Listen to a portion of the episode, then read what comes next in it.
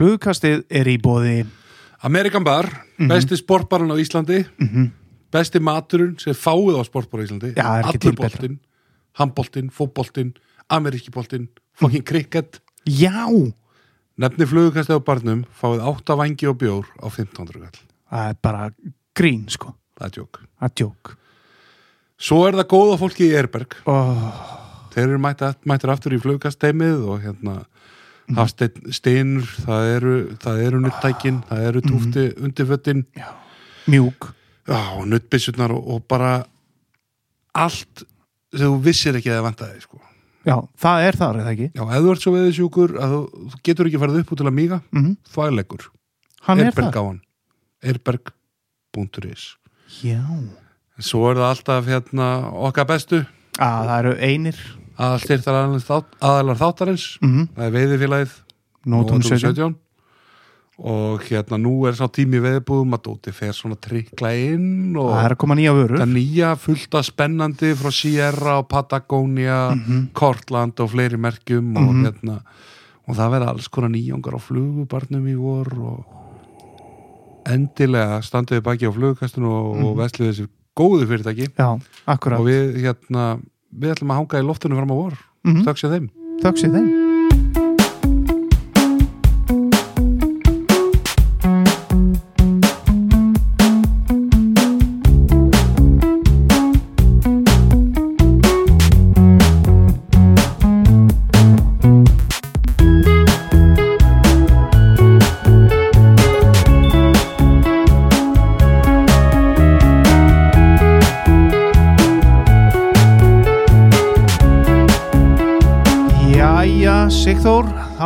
er komin fimmtudagur. Það er 50 dagur Já, og við erum mættir. Ég þekki nú þetta í bóliði núna, ég veist ekki þið Herðu, takk fyrir, ég bara takk fyrir að nefna þetta á undan mér. Ég er í, sem Ég sagt, ætla að, ég, það er mikið fyrir því ég, já, ég er í, sagt, hérna eh, trúbrótaból með, eh, úr, sko, þetta er lifunabólu sem er önnur besta plata Íslandsögunar að mínum mati. Já.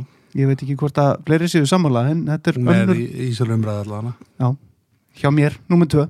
Já, herðu, við fórum hérna í bíó síðustu ykkur. Já, það var geggjað Fórum í hérna landvernd, var að bjóða upp á síningu af myndir kveld. Já. Fjallar um bara eiginlega magnað baráttu bænda og heimafólks í, í þingaðsíslum Já, já, fyrir hérna runni bara vendun lagsár og lífrikisins í lagsár mjögni akkurat og hérna Já. mann er að neila bara kallt svona hvað þetta á mikinn referens í, í samtíman og umræðana hjá stanguðimönnum og náttúrundum nákvæmlega og líka bara hvernig þetta hefði geta orðið maður, hefði þessi stípla verið byggð þetta. Allt sem þú sérð þegar þú kemur niður brekkuna og við blas allir hólmannir í lagsvæði mjög að sveita Mhm, þetta er bara orðið eitt uppstöðu lón skelvilegt sko. Og allt upp fyrir veiðihús í, í lagsvæði lagsadal og mm -hmm.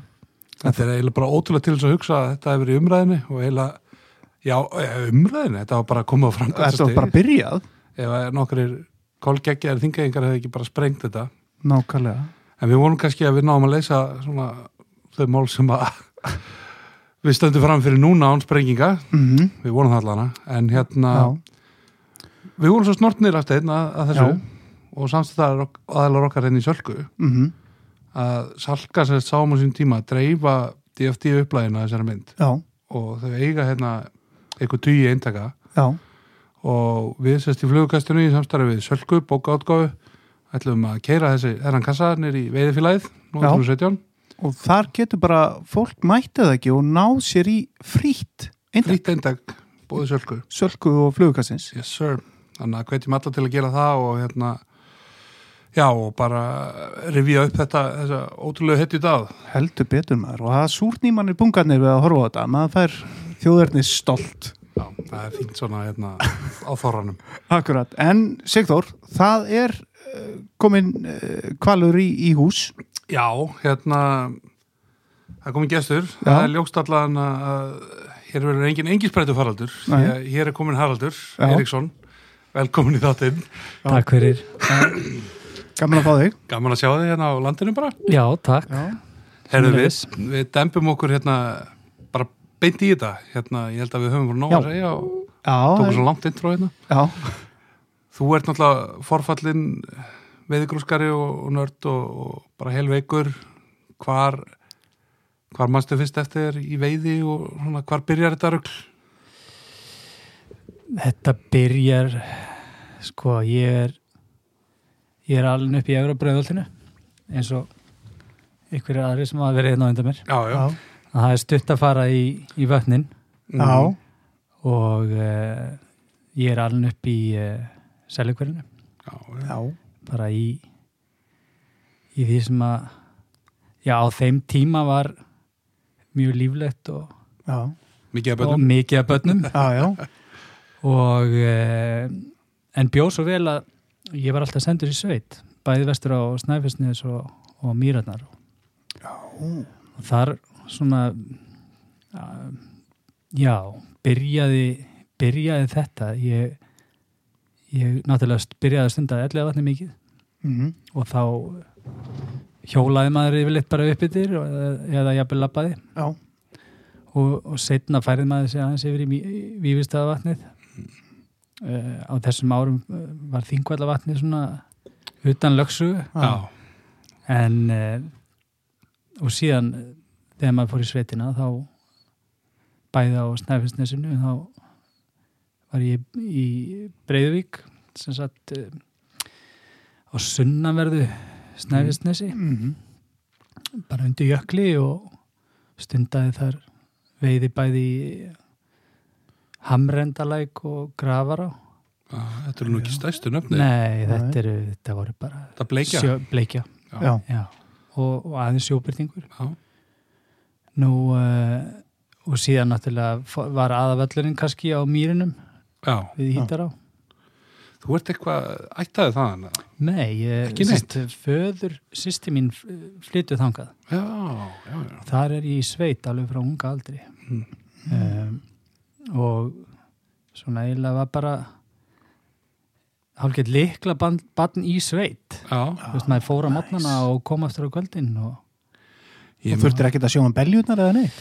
Nei, ekki þannig. Maður var svolítið borgarbarn að að, hérna, maður var eiginlega bara fyrir. En, en á þessum árum, svona, ég byrjaði að fyrir sveit. Ég, ég er nú ekki sérstaklega gamalt maður en, en ég man Nei. eftir að þú veist, maður, var að handmjólka kýrnar og, já, og þetta var, Þú þegar, þarna var 76 mótileg. já, og þarna var sko þarna var heiskapur, alveg heiskapur sko. já, já, heimatúnin bara baggar og og læti ost já, bara. það var bara nánast já, það var bara bakkar og, og hérna, þetta var alvöru Já, já. ha. Fólk ennþá í sveitunum og svona. Já, þetta var mikil skóli og öllum holt, held ég. en var það eitthvað verið að stelast í átnar hann Já, ég, ég viðkynni það alveg, það er spún, litlu það. spúnastöngina Já, og- já, já. Það er þá hittar þannig. áinn bara Já, já, undir, undir á nóttinni. í. Já. Það var hægt að fara, ég vil bara eldsnemma, sko. Hvar varstu þarna? Mitt, svæ, mitt veiðisvæði var blessunlega frekar lítið stundað að veiðmennum á þessum tíma. Þetta verið svæði neðst í áni, kringu Sveljanda og Flesjufljót, Mhm. Festarfljót og Ottafljót. Já. Mikið bleikjusvæði Þá. og síðan aftur í skipil Já. ef maður vildi fara lengra og Á þessum árum var- Já, Já, það- og já, þessum árum var uppi staðan að veiðinni og nær engu bara sjóbleikja og mikið af henni sko, já, mjög mikið. Og það er ekkit svo langt síðan að svona menn fóru að hætta að reyna við það sjóblikju þarna en það er svona Nei, er- hann hefur- sjóblikju á Vesturlandi eila horfið Já, hann hefur fækkað alveg gríðarlega þarna. Og, en uh, í breiðoltinu var þetta þetta var rosa góð svona frjór jarðvegu fyrir krakka að þvælast um allt. Uh, þú veist, þarna fóru menn í útilegu upp í Leirdal sem að núna er bara komin undir byggð. Já, Mhm. og eh, sem dæmi þá voru kenda bóðið upp á flugunýtingar í skólan já, mjög sérstætt Já. á þessum tíma veistu maður hver var að kenna það? Já, það var, uh, það var eitthvað ármennunum sem kom með þessu Hvað- hvort, hvort það var ekki bræi ég man ekki hvað hann hétt Nei.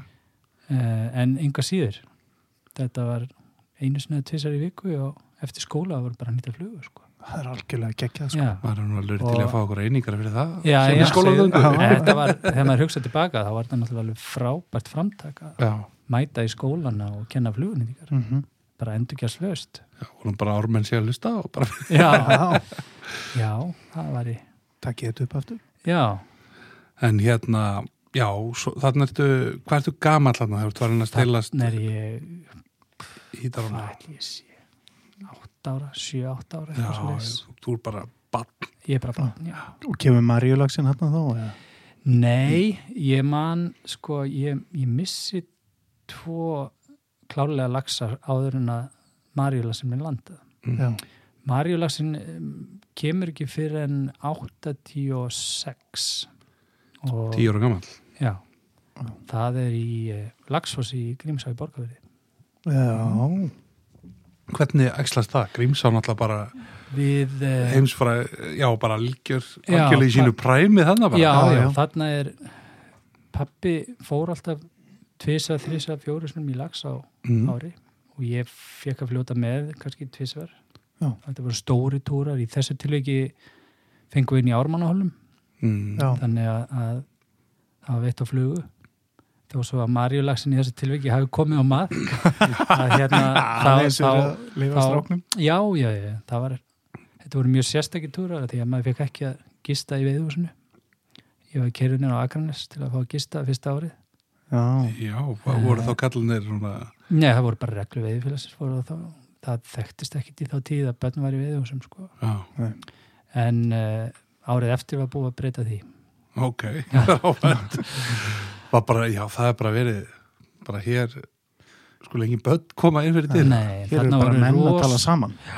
og síðan voru fengum við þarna inn í hollið það sem voru Akurnesingar líka, ég mann vel eftir Jóns, Jóni Setu frá Akurnesi mm. höfundi hörpunar ógulega Já, já, já, já. Eitt sem- hann var svona fyrsti svona alvöru veiðimaðurinn sem maður sér í, í lagsveiði sem Þarna- þetta er sko þegar ég síðast að þetta talar elvar örnina eða þetta er eins og kom út áður og við tókum þennan upp Já. Já. meira, en tala um flugu sem hann nefnir örpu eftir dótsinni en þetta er önnur fluga, þetta er mjög sérstök fluga hún er mjög sérstöku að því leitinu til að, að hún er ef þið muni eftir gamlu inn- innrömmuðu hérna litlu flugu já, hérna svona blá, blábókinni tíu, hérna. nei, tíu bestu laxaflugurnar muniði, Já, já. 87 86, 84 þarna voru kröflunar fyrirferða miklar Mm. Mhm. grímurnar en þarna er harpan sko. Já, þarna er hún alveg gríðarlega mikið notið þetta er, þetta er náttúrulega hárfluga. Nei, þess að vangfluga fyrir Já. en sko vangurinn er eiginlega svolítið sérstakur. Já, hann er það. Og, en síðan bara hverfur hún. Meir, Eh, bara- Nei, bara, þetta er svolítið svona eins og krablan Já. hvarfum tíma og, tísku, tísku já, og grímurnar og ellið og þetta dót allt saman. Ég er nú alltaf að nýta elliða maður, hann Já, virkar. Og en- svo er nú alltaf gaman að segja frá því að hérna, að harpan fæst í uppröðunar útgáfu nýri Já. ég held að örgulega fyrir þið tilstilli já, þetta er sko svona setna mér, þá let ég hérna, Jóning Ágússon nýta þessa flugu fyrir mig á þrýkarækjur og hún er í bókinni hans veðiflur Íslandi Já, hún Já. er þar hún er þar. Ótrúlega, ótrúlega öflufluga sem ég Já. sjálfur nota mikið. Já, ég nota hana mjög mikið í mig sko. En uh, síðan sko í framhaldinu þá byrja maður að stunda ellega vatni mjög stíft. Uh, komið með flugvegi græður sem að pappi keipti fyrir mig og, og hérna nýri ármótum. Er þetta Já. svona um fermingu nei, þetta er fyrirfermingu Fyrirfermingu? Við Þetta er bara fyrirfermingu. 11-12 ára ég er bara? 11 ára er ég nánast bara byrjað nær engungu í flugu Ertu, hvað ertu þetta? Gríunissi eða nei, ég bjó rosalega vel að því að ég var það mikið, ég var ánum daglega við Já. kynnist þar gömlu köllinum Já. og þá aðalega Jóni Pett Já. Já, og hann svolítið tekum mig upp á sína arma já, og, og uh, ég lærði alveg óhemmi mikið á hann þetta var sérstakur kall rosalega sérstakur og, og ekki allra Nei. Nei. en við kynnumst vel hann vegna þess að við erum sko, ég fer mikið þarna kannski yfir, bara um leiðu ég búin í skólanum beint upp yfir Já. og stundu ég að fyrir skóla þá var Jón alltaf mættur sko þetta var það mikið geði ekki maður mætti stundum bara sve- sveittur í skólan sko. að, að maður náðan stundum þannig að við vorum bara tveir jafnvel. Já. og síðan æxlaðist það þannig að hann var byrjað að skuttla með heim eftir daginn og, Já, og já. á gamla bragabílnum sko Já. að maður náði þarna alveg áratuga reynslu bara beint í aðeins Og fyrir það sem að vilja kannski hérna, njóta eitthvað af þessari reynslu þá er í, í bókina sjóninga mitt líka já, engjaflugan eða ramagsflugan eftir Jón Pett og sem Já. er nú bara eitthvað albesta vatnaviði fluga Já. sem maður kemst í já síðan sótti maður náttúrulega í fram já, sest, um þetta leiti er náttúrulega ármót svona aðal búðin nýra á flókagötu, maður var mikið þar kringum Kolbeini og Kolbeinu og Þorstinni þetta var alveg þvílíka kommunan sko. þetta var alltaf svona fyrsti vísir af svona flyshop á já, raun. Já, og þar fæ ég sko sko ég átti fyrsta flugustöngin var náttúrulega ekkit sérstaklega merkileg en, en stöng nummer tvö er semst seitstöng já. sem er smíðið af Þorstinni þostinni Já. algjört tæki Grafí 2 já, Já, já. geggjaði stangir en þetta í dag frábæra stangir algjörlega geggjað sko. er einhvern veginn lí- líka í sér smá og svona, það er svo já, mjúkt aksjón í þeim Ná, og já. Maður getur verið með granna tauma en samt til til að stóran fisk. Nákvæmlega og þarna gá, sko eru stangirna þannig að, að áttu kastu notað í sílum góð lags Já. vegna þess að þær voru það svagar sko. Þetta er, þetta er öðru í seldur þessar high performance top of the line amerísku stangir í já, dag. Já, Mhm, mhm.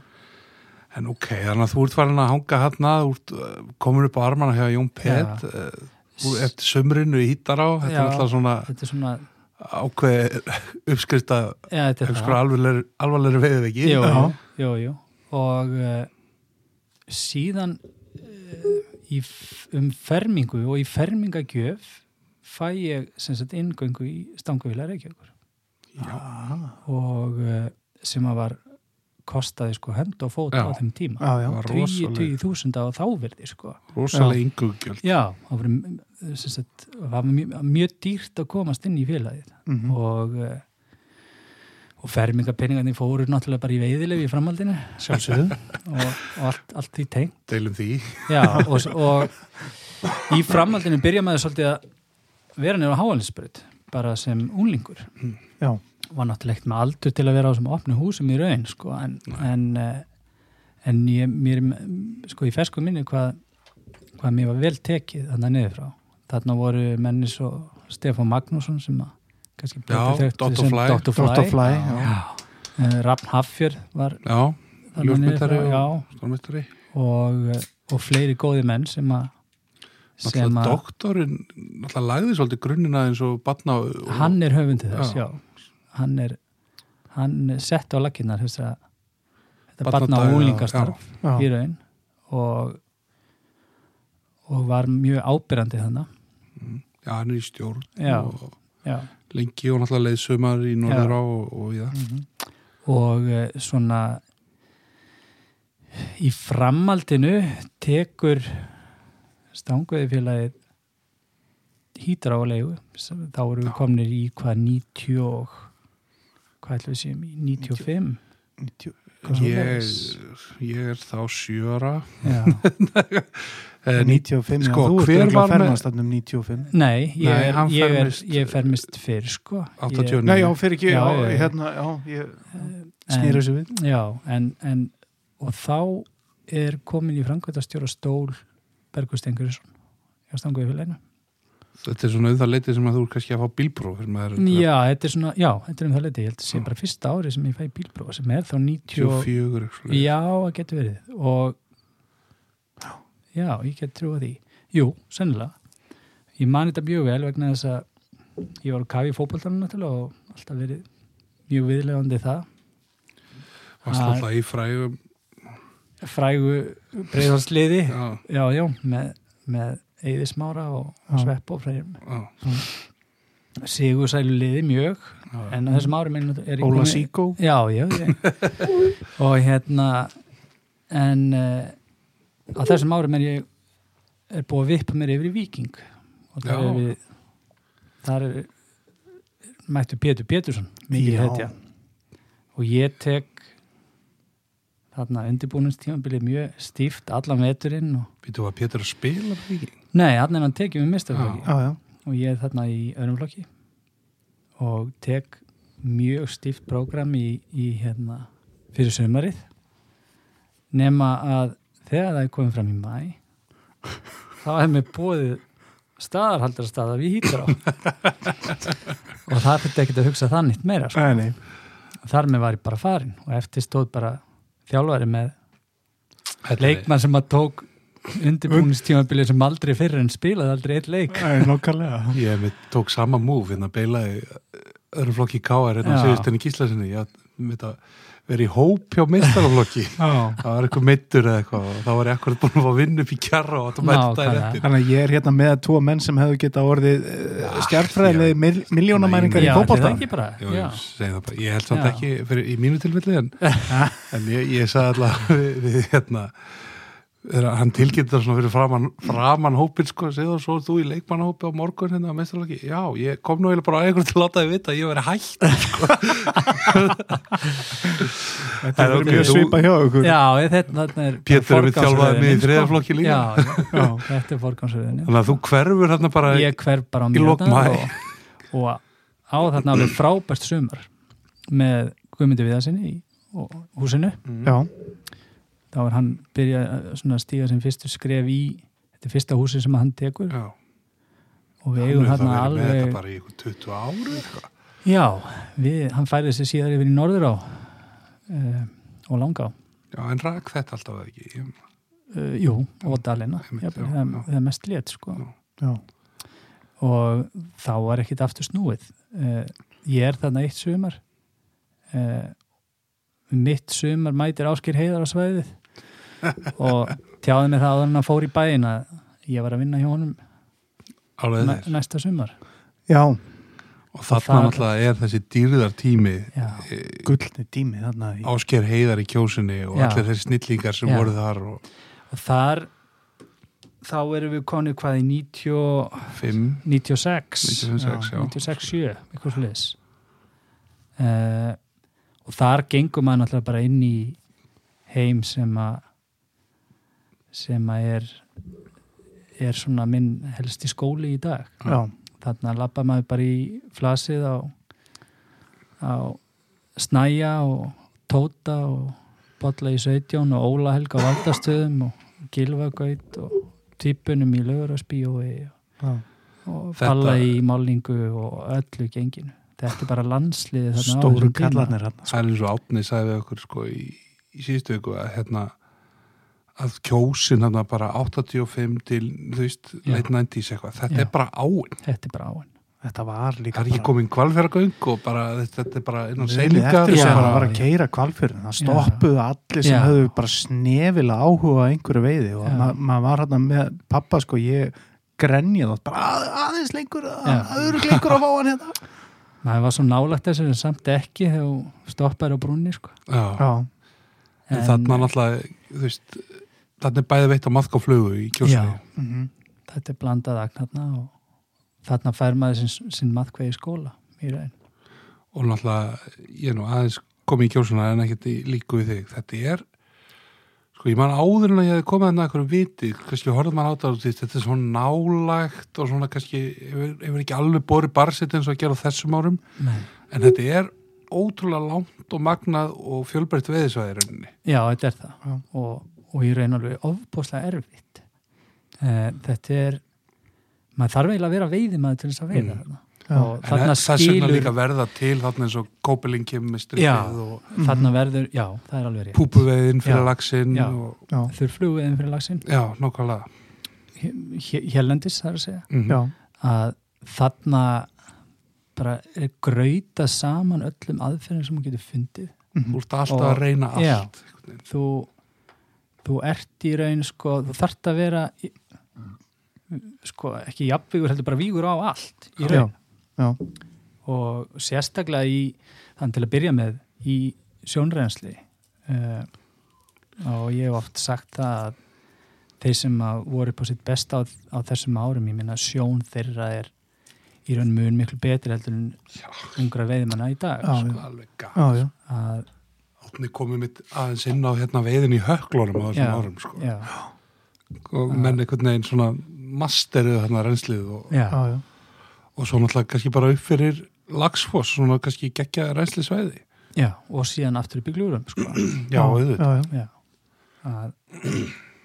þetta var ofbóðslegu skóli fyrir, unga manna að lappa inn í þetta samfélag þetta er líka þetta er þannig að þannig er gam, gamli skólinn ennþá í gangi, þú veist, það, er, Mhm. það er alveg verið að fá sér á kvöldin og jafnvel í Já. hátteginu og mótnana. Svona fenn og Og smá hérna- orð já, á þessu já, tíma þetta, þetta var svona síðasta víið hvað það var þær í raun nema kannski Já. Eh, þetta var jújú, jú, þetta var, var rosalug glaumur og gleði hana Mhm. þarna eignaðis maður mm, stórun hóp veiðifélag og vina sem að maður býrað alla tíð sko. Já. En þarna er alltaf líka útlýtingar að veiða og Já. flinkir veiðimenn á Já. allt annan hátt kannski heldur en Já. þess út aldrei upp á hann voru flinkir. eða? Já, nákvæmlega og, og þarna urðu líka til ellendi veiðimenn sem að urðu mjög flinkir út af leiðsögumennum Mm. Já. þarna, þú veist, leiðsögumanna teimi var mjög sérstætt, hann er Sigurbrandi Dagbjörnsson, Já, sá miklu meistari Mhm. uh, Gísli Áskjusson Já, uh, Helgi Ólafsson smiður uh, þetta var þetta er Þetta eiginlega var- ótrúlegt. þegar þetta var mjög já, sko. þetta var mjög stert teimi Já. uh, Siggi Guðmunds uh, þarna voru Bjössi Rót og einhverjir þetta var bara sko. ofbóðslega sterkur hópur Já. sem að vann mjög vel saman þetta var ekki þarna var, eh, þetta var löst við alla keppni eða slíkt. Þetta var svona bara Kjósin er líka bara Samvera, ásöð sem að þarf að vinna saman. já, Mhm. Mhm. að, þetta er svona þetta er svona á þar sem að 85-90% af veiðin er tekið á morgunvaktinni sko. Já, Já. hitt er bara svona dullir í sko. Já. mm. En já, hérna Ásker Heiðar er hérna lávarður af, af sveitinni. já, já, fórum, náttúrulega fórum á hesti og Já, já, hann náttúrulega hafði verið leiðsögumæður hérna uh, alveg árantugin og undan þannig að þú veist, hann vissi alveg um hvað máli snýrist hann, hann trýtaði sína leiðsögumenn bara nokkuð vel Mhm. Mhm. hann svona hann kunni triksin Mm, alltaf með þess að ótrúlega sjón svo já, kostinu. já, Já. og hérna og það það má segja ímislegt um Áskir Heiðar en, en hann er náttúrulega afbyrða veiðmaður Já. algjör afbyrða veiðmaður Mhm. og jafnvígur Og svo er náttúrulega er hérna svona þú talar um glaum og gleði þá er náttúrulega gleðbankastjórin sjálfur hérna Sigurður Hall í eldhúsinu og, Já, minn almáttugur. og, og, Stuðpinni og hérna fiskisúpar sem að það ég, þurfti alltaf að opna heila hérna konjaksflösku Konjak. í hann sko, hvort sem hún fór öll í pottinu eða ekki sko. Já, hann er þá verið með eins og í nýju lífi svona auka sleið já, og ruggustólinn fyrir utan sko. Já, einmitt Já, og því þarna voru menn svo Kevin Costner og já, já, það Og var hérna mikil Simply stjörn Red já, já, og- þarna var mikil Já. stjörnufans og, Mhm. og hérna það er mikil var- dýrða ljóm einhvern veginn þegar maður talaði um menn sem að voru þarna og sem að Já, yfir þessu þetta var mjög sérstætt samfélag Já. mjög sérstætt já, En þú ert ekki, þú ert þarna nokkur ár, svona hérna, önglaran Átni Baldursson þér yfir til Lagsá, hvernig, Já, hvernig gerist það? það gerist nú þannig að, að ég flosnaði þessu upp ég, ég flýt til, eh, til Luxemburgar Mm. sem sagt út af starfi konuna minna sem ég nota benni hitt í veiðhúsinu Draumasaga já, já og það er- alvöru veiðús það er nú saga að segja frá því vegna þess að. Kevin Costner reynda ná hana á djammið í bænum en hún ákvaða að vera eftir og ég hef oft sagt að ég stakk undan hún Þú, þú kokkblokkaði Kevin Costner. að hérna og líka myndalegir maður sko. já, og, og, og þakkaði fyrir það uh, en, en En getur þú dansað með úlfum? Nei, get ég ekki, ég, get nú, ég er bara afspinnu lélugu dansi en uh, þá svona kemst maður að losa á þetta og, og ég ákvaða þarna voru orðna smá breytingar upp í kjós. Þarna var uh, það gerðist þannig að uh, það varð svona hálfgett hostile takeover á hlutabrifunum í fyrirtækinu sem að þá hétt Lax EHF ef ég maður rétt. Mm -hmm. Þarna var komin inn JP Morgan fjölskyldan, breska, já, vell auðið í menn og, og uh, í framhaldinu Orri Vigfússon með þeim uh, ásamt fleirum og svona ég tók þann pólina að gefa þessu smá frí Dýrðarljómin, svona, eða svona stemmingin Já, farin. þetta, þetta bara allt hefur sinn tíma Já. Mhm.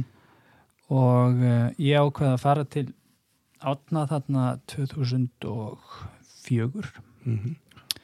fer og uh, vinn Þú þar ert þó það lengi þarna já, ekki? já, ég er þar lengi þarna. Og, og uh, þar fær maður svona að kynnast mjög vel svona business liðinni á Mm. þessum bransa Þarna er Laxá náttúrulega að springa út Já, eins og við rættum við alltaf- átna hérna um daginn. Já, stærsti veðilega sel í heimi. Já, Já, þú veist, söluskráin var bara hérna þverjandar þykk á Já. hverju voru. já þetta Eh. lítur að hafa verið svona Þetta var rosalegu skóli en um, um leið sko fekk ég ákveð frelsi hjá hana. mm, Þú veist, ég var bara á stórum svörtum Toyota bíl yfir veturinn og, og nældi í veiðisvæði við Söðurlandi Mhm. á þessum tíma.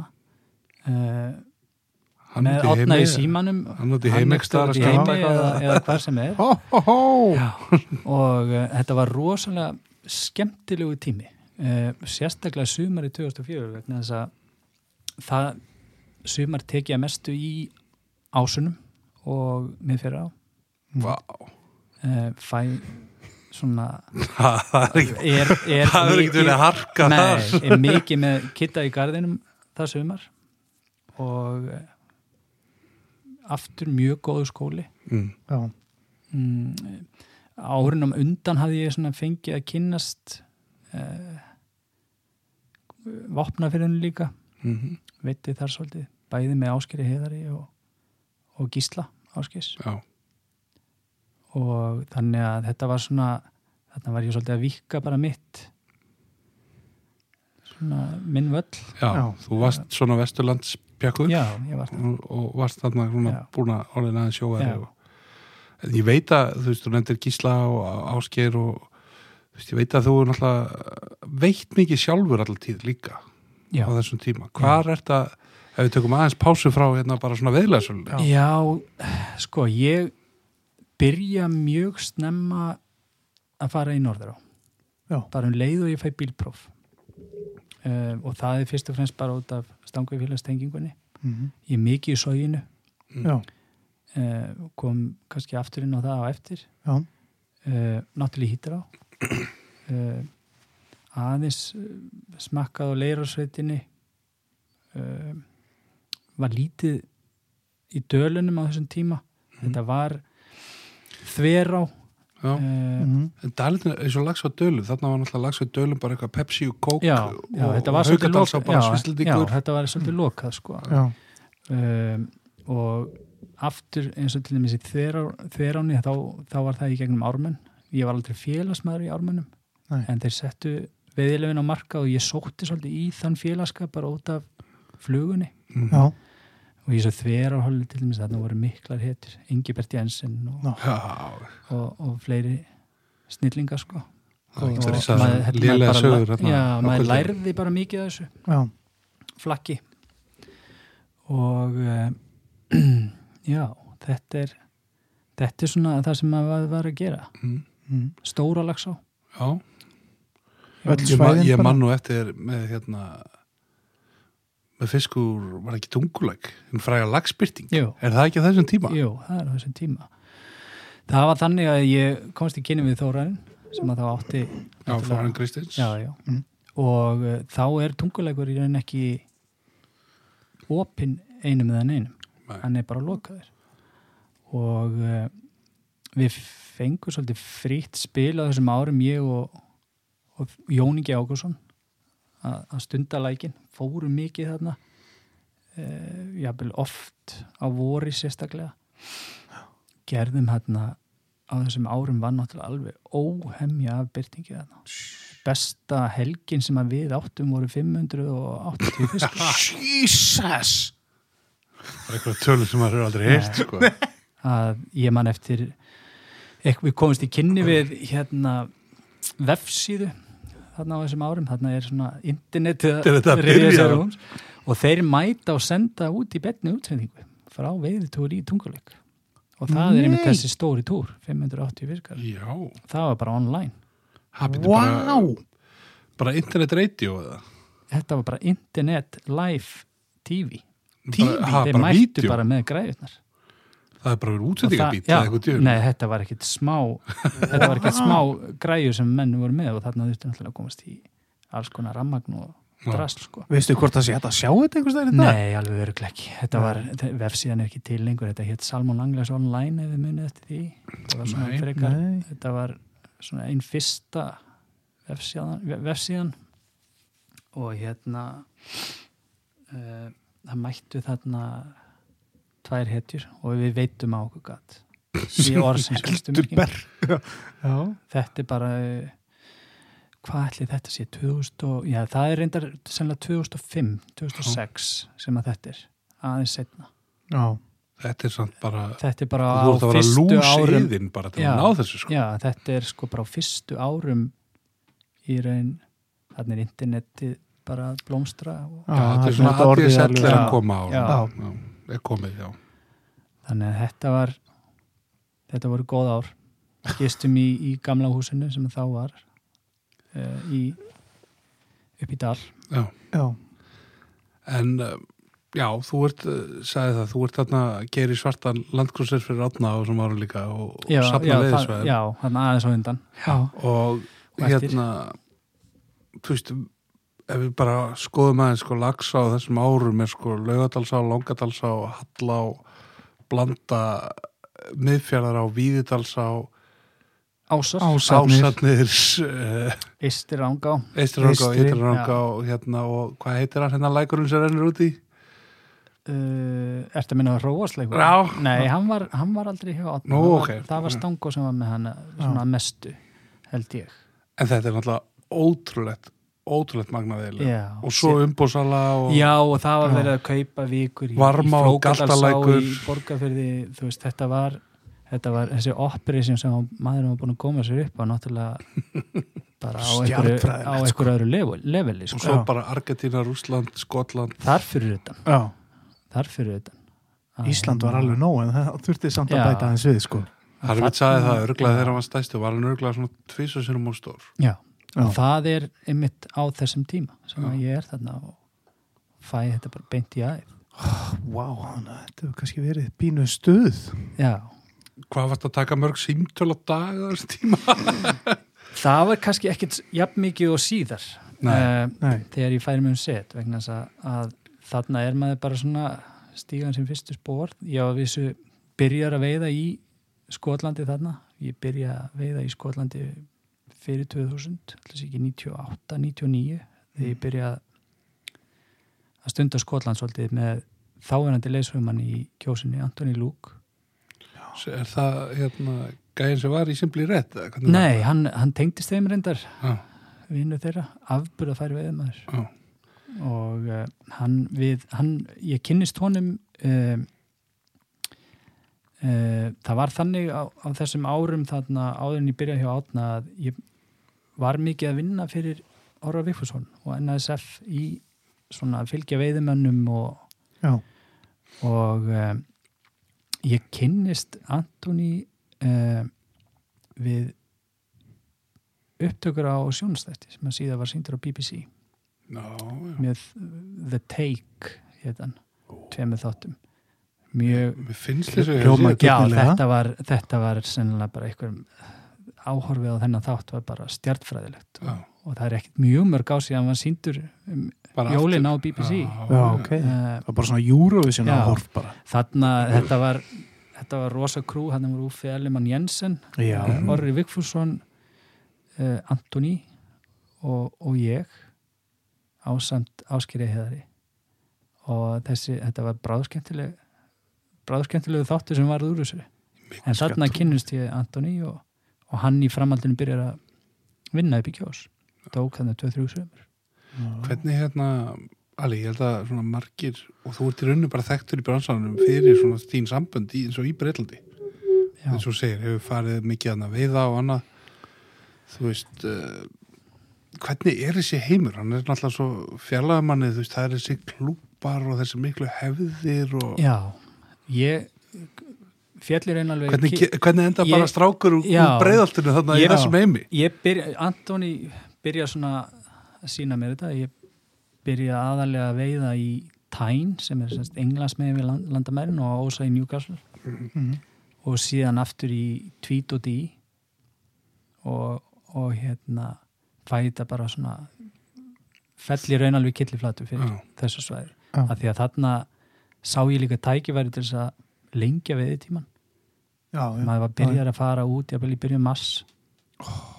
Þeir eru mitt, ég heldur að veitt fyrsta lagsinn í tei nýgengna í fyrirdag.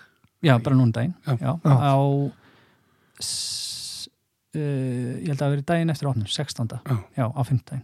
sem Já. er kannski ágætt svitni. Það hefur oft verið bara kelt að Já, já. Mhm. en þarna svona kynnismæður veiðinni þarna í Skotlandi og kemst á bræðið og ég hef stundað það allar til síðan. Þetta er orðin 20, yfir 20 ár sem ég er búin að vera þar.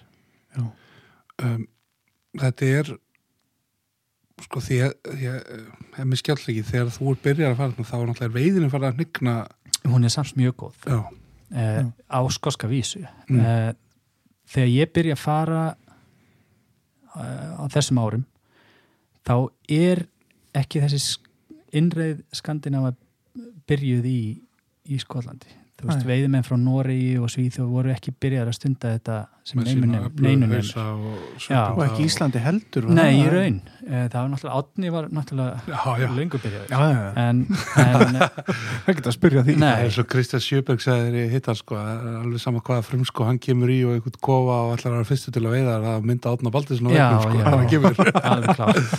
Og hérna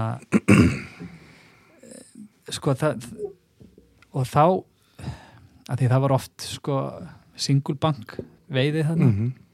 sem að því þá að það Að er það veitt er á móti bakkanum og hinn annar á hinn að maður fljá, fann, fann fljótlega út af því að bretin var að mæta kannski millir 9 og 10 á mótnana og með sína risastóri tvíendur og allir shrimp og dauðarekið og síðan veittu þeir svona fóru í langan lönns og veittu til 5 og fóru heim.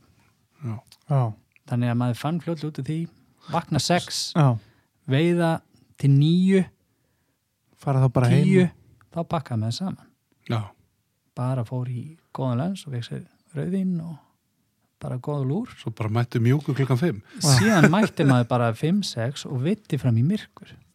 Já, og besta var, tíma dagsins já, og þá voru gætarnir bara farin heim og veist, allir bara koni í kóju eða á peppin þetta var besti tíminn. Já, uh, já og þarna var ekkit þarna voru menn ekkit byrjar að strippa eða nota sönnreia eða neitt slíkt. Nei, nei. Að þú veist maður fór í gegnum hiljuna með stóran sönnreia og það var allt meir en vittlust já, einhver breyti sem strippar ekki að nýtt hann er fjóra, fimm tíma að renna sér ekki með einhvern Eh, heil sem að þú ert hálftími í gegnum nákvæmlega, sko. maður Já. mikill yfirferð. Og hérna síðan náði maður sko ára árum hérna mjög góðum eins og til dæmis í dí Mm. eh, en síðan byrjaði að fjölga þarna nosurunum og svíinum og áður en að varði þá var maður komið með 25-30 normenn og svíja á svæðin fyrir neða sig og Já, flinki veiðimenn, mjög viðinir þá fór svona glansinn á þessu. Já, hafa þessar hefðir sko haldið svona aftur af skotanum heldur að sé hefðirnar að heldur að sé kannski fiskmagnið eða eitthvað? Því að þú veist, við náttúrulega lifum í heimi þar sem að hérna, þar sem að þú getur alltaf vita á að setja kast á fisk og þú getur Já. prófað og Já, þeir einhvern veginn eru fastir í allir shrimp, kaskeit og Já, við náttúrulega búum að því að við erum miklu aggressívar í fisk heldur en Það en er bara. Það er bara veiði álag í ám á Íslandi er miklu miklu hærra heldur en til dæmis á Breitlandi þrátt Mm. fyrir sumstaðar tíu mánada veiðtímabil. já, Uh, þetta er bara öðruvísi forritaði fiskur. Það er bara þannig. já, Uh, það er pít í ánum. já, Eh, svona telituð Já, Mhm. mikil ferð á fiskinum það er búið að dreina þarna öll engi og allt, ef það rignir þá fyrir allt á kvolf og áinn fyrir kakó og, Mhm. og svo framvegis að þetta er svona verða sér svolítið sjálft en ólega langar ár svona. mjög langar Mhm. og, en náttúrulega þeir búa því að þeir eru búin að mannsöndinni nánast búin að snerta hvern einasta bakka þarna já, mm. uh, allur land, landbúnaður hefur farið mjög illa með þeirra ár þeir eru náttúrulega í vandræðum þú veist, við hefum held í að vandræðum með okkar ára þessi og svona lítið af koma að segja næringið þeim. Mhm. þeir eru bara át á ábyrð og tún og annað Já, ég, ég gerði það að ganni mínu, ég fór í um, tvít núna í hvað, 20. oktober upp á eitt af hrigningarsvæðinum bara til þess að skoða. Mm. Bara forvitni í ragmiðangað og það er svæði sem að Michael Evans átti lengi vel og er svona eitt af aða hrigningarsvæðinum í tvít Já. í þrjá daga var ég bara að vaða kúa skýt upp hann hjám sko. Þetta leku bara allt í átnar hann Jesus maður. Og líka það er sko þessi hvað þessi nautgripir, þeir náttúrulega trafka neður alltaf bakka þarna Já. og eru búin að æði þú veist, þegar maður byrjar að tala um þetta það er ekki einhvern veginn eitthvað eitt, það er allt. Já, það er yðnaður, það er fólksjöldin og það er hérna fiskaldið í ósnum Já, og, það er, það er engin helgunar svæði á, á bökkunum. Þetta er bara byggt þarna alveg fram á, á, á bakkana og þú veist eins og ég segi, það er búið að eiga við allt Já. í raun. Þú veist, þú ert jafnvel að kasta á móti einhverjum steipuvegg sko. Já, Já, já. einhverjum steipuvegg eða, ég, man, veit, ég er nú bara einu svona veitt á Brillis segjum þó ekki í Skotlandi, heldur á Írlandi og, þá var maður að, þú veist, á hverju fly only bíti sko og hérna en á móti þeir voru gæjar að kasta flótolti með rækjum. Já, Já, það er og það var alltaf læg bara. Já, Þeir eru náttúrulega ekki með það sama systema við það sem allir eru neitt til að vera í veiðifélagi Nei, og... nei, nei, nei. Nei, Uh, ég einmitt hef líka svolítið verið á, í landi Mhm. og veitt þó nokkrar ár þar og mér er mitt mjög minnistætt. Ég verið enda tvisa farið í, í Galway Weir. Þar ert þú bara að veiða inn í borg fakti séð, ef, að að heldur ellið átna séu inn í borg þá hefur ekki veitt það Eh, nákvæmlega, þú ert bara að veiða í hálfgjörnum skurði sem fellur fram af stíplu og uh, Svo bara raðhúsa lengi bara við liðinu já, já.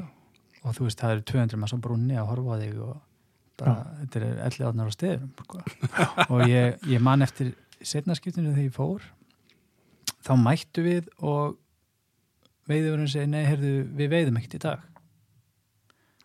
Nú, sagði ég, hvað já, það var nefnilega þannig í gæra þá var það þannig að það eru þrjá stangar, stangir eða fjóra sem mátti veiða svæðið. En það mátti bara drepa einn fisk á dag. Já, og fyrir einhverja tilvinnun þá vittust tveir á sama tíma daginn áður og báði voru drefnir og þannig var kvótin búin fyrir þennan dag sem ég átti að veiða þannig að enginn mátti fara út ekki einu sinni til að sleppa nei, nei, nei, Þannig eru bara hefðir og reglur og þeir eru ekki, það er nei, ekki nei það er, Þetta er ekki til umræðu. nei, nei, það er Það bara alveg you sko. know. það er bara þannig En er það í þessum ferðum alveg? Því að, þú veist, ég get ímynda mér eins og að vera veðilega sæli. Ég hérna, selt aðeins að veðilegum, þó ekki lengi og ekki mikið. mm. En ég man að maður var í ykkur góðu föstu holli og eftir 2-3 ár þá voru allir í hollinu búin að kaupa manni veðilegi semst á hinu staðrum. já, Ertu þarna líka að efla tengslanettið? Er það þarna sem þessar tengingar og annað koma eða? Já, það má eiginlega segja það. Þetta er, þetta er sko, ég er náttúrulega búin að, ég byrja það ungur Mhm. uh, og næð það mikið að vera innan um breyta. Það var mikið að breytum náttúrulega, það voru breyta sem voru leigutakar af kjósinu á tíma áskil segja þess. Að uh, þetta er svona, ég veit ekki, maður á einhvern veginn skap með breytum, ég kann opaslega vel við. Skemmtilegt fólk. Já, En þeir eru oft svona, má maður segja, kurteisir. Já, og- en þú getur samt svona miskilið það sem að veist, þeir, þeir, þeir eru oft bara kurteis til að vera kurteisir en Já. það finnst kannski eitthvað allt annað um þig eða, eða hvað, er, að- hvað er í gangi sko. já, Mhm. já Þetta er svona ég veit ekki, ég einhvern veginn bara á mjög gott þú, ert, skap þú ert náttúrulega bara orðin einhver, einhver breyti í dag, náttúrulega býrði í London Já, og, já. og hérna búa þar í bræðin þrjú ár já. Og er það ekki bara fýtt staður fyrir þig alveg? Ef maður fyrir utan mótt kaffi, kannski bara. Nei, það er fyrir Nei, allir að koma til í því. Síðan maður byrja að drekka meira te. Já, það er ó- óumflýjanlegt. Ég veit að þetta er bara að geta sett sér sjálft Já, já, já, þetta er svona. En, en sko á þessum árum þá þá veiði ég mikið með, með, með Áspinn Mortens. Mm -hmm. þarna Einu þessum upp úr, já, upp úr 2000 sérstaklega hann byrjar að koma í kjósuna hana um Mhm. 2000 rétt fyrir og við einmitt þvælumst mikið saman bæði Hofsá og Kjarrá Mhm. já, og uh, ég kunni rosalega vel við að veiða með buppa hann, hann er ekki allra en, en hérna staðan var yfirleitt þannig að ég var úrvinda þurfti svepp og þá var fínt að vera með ykkur um á stöng sem var nefnt að veiða þannig að ég var alveg búin að fá nóg sko. já, já. Uh, ég hafði einna mest gaman að ég bara húka ykkur stöður uppi á gljúi barmi og, og skikna Fyl- hiljina sko. fylgjast með bara. Við mitt spurðum hérna Bubba þegar hann kom til okkar út í sögu frá sem að þú lest með mitt fá hérna með einhverja ótrúlega þrautsið þar sem þú varst að láta hann kasta okkur fisk í Vestalsá og hann Já. kasta, svo vakta hann eftir einhverja tvo tíma þegar hann öskar, hann er á! Já, já. Þú varst löngu sopnaður og búin að ákveða að Já, myndi aldrei taka já, það var- þetta var einhverju tveir tíma sko, sem hann barði á sama Það er- það er þraut En já, þegar við fórum frá Íslandi þá vartu ennþá þarna í Lagsá þarna eru komið 2005-06 og þetta er 2004 eftir sumari 2004 er haft samband við mig og, og viðra við mig að, að hérna að stanguði félagi Reykjavík sé að blása til sóknar mm. í markasmálum búið til nýja stöðu.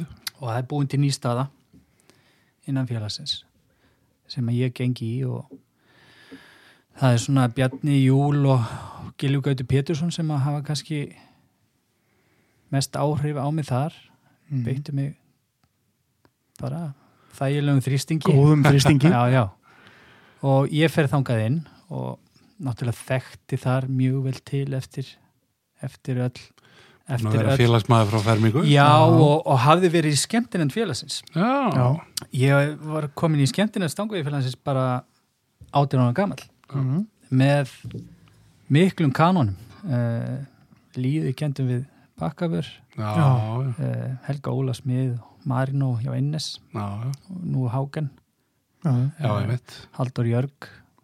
Nú, nú, og, og þetta var Bjartfriður? Ólafsson lögfræðingur, þetta var geggjaður hópur.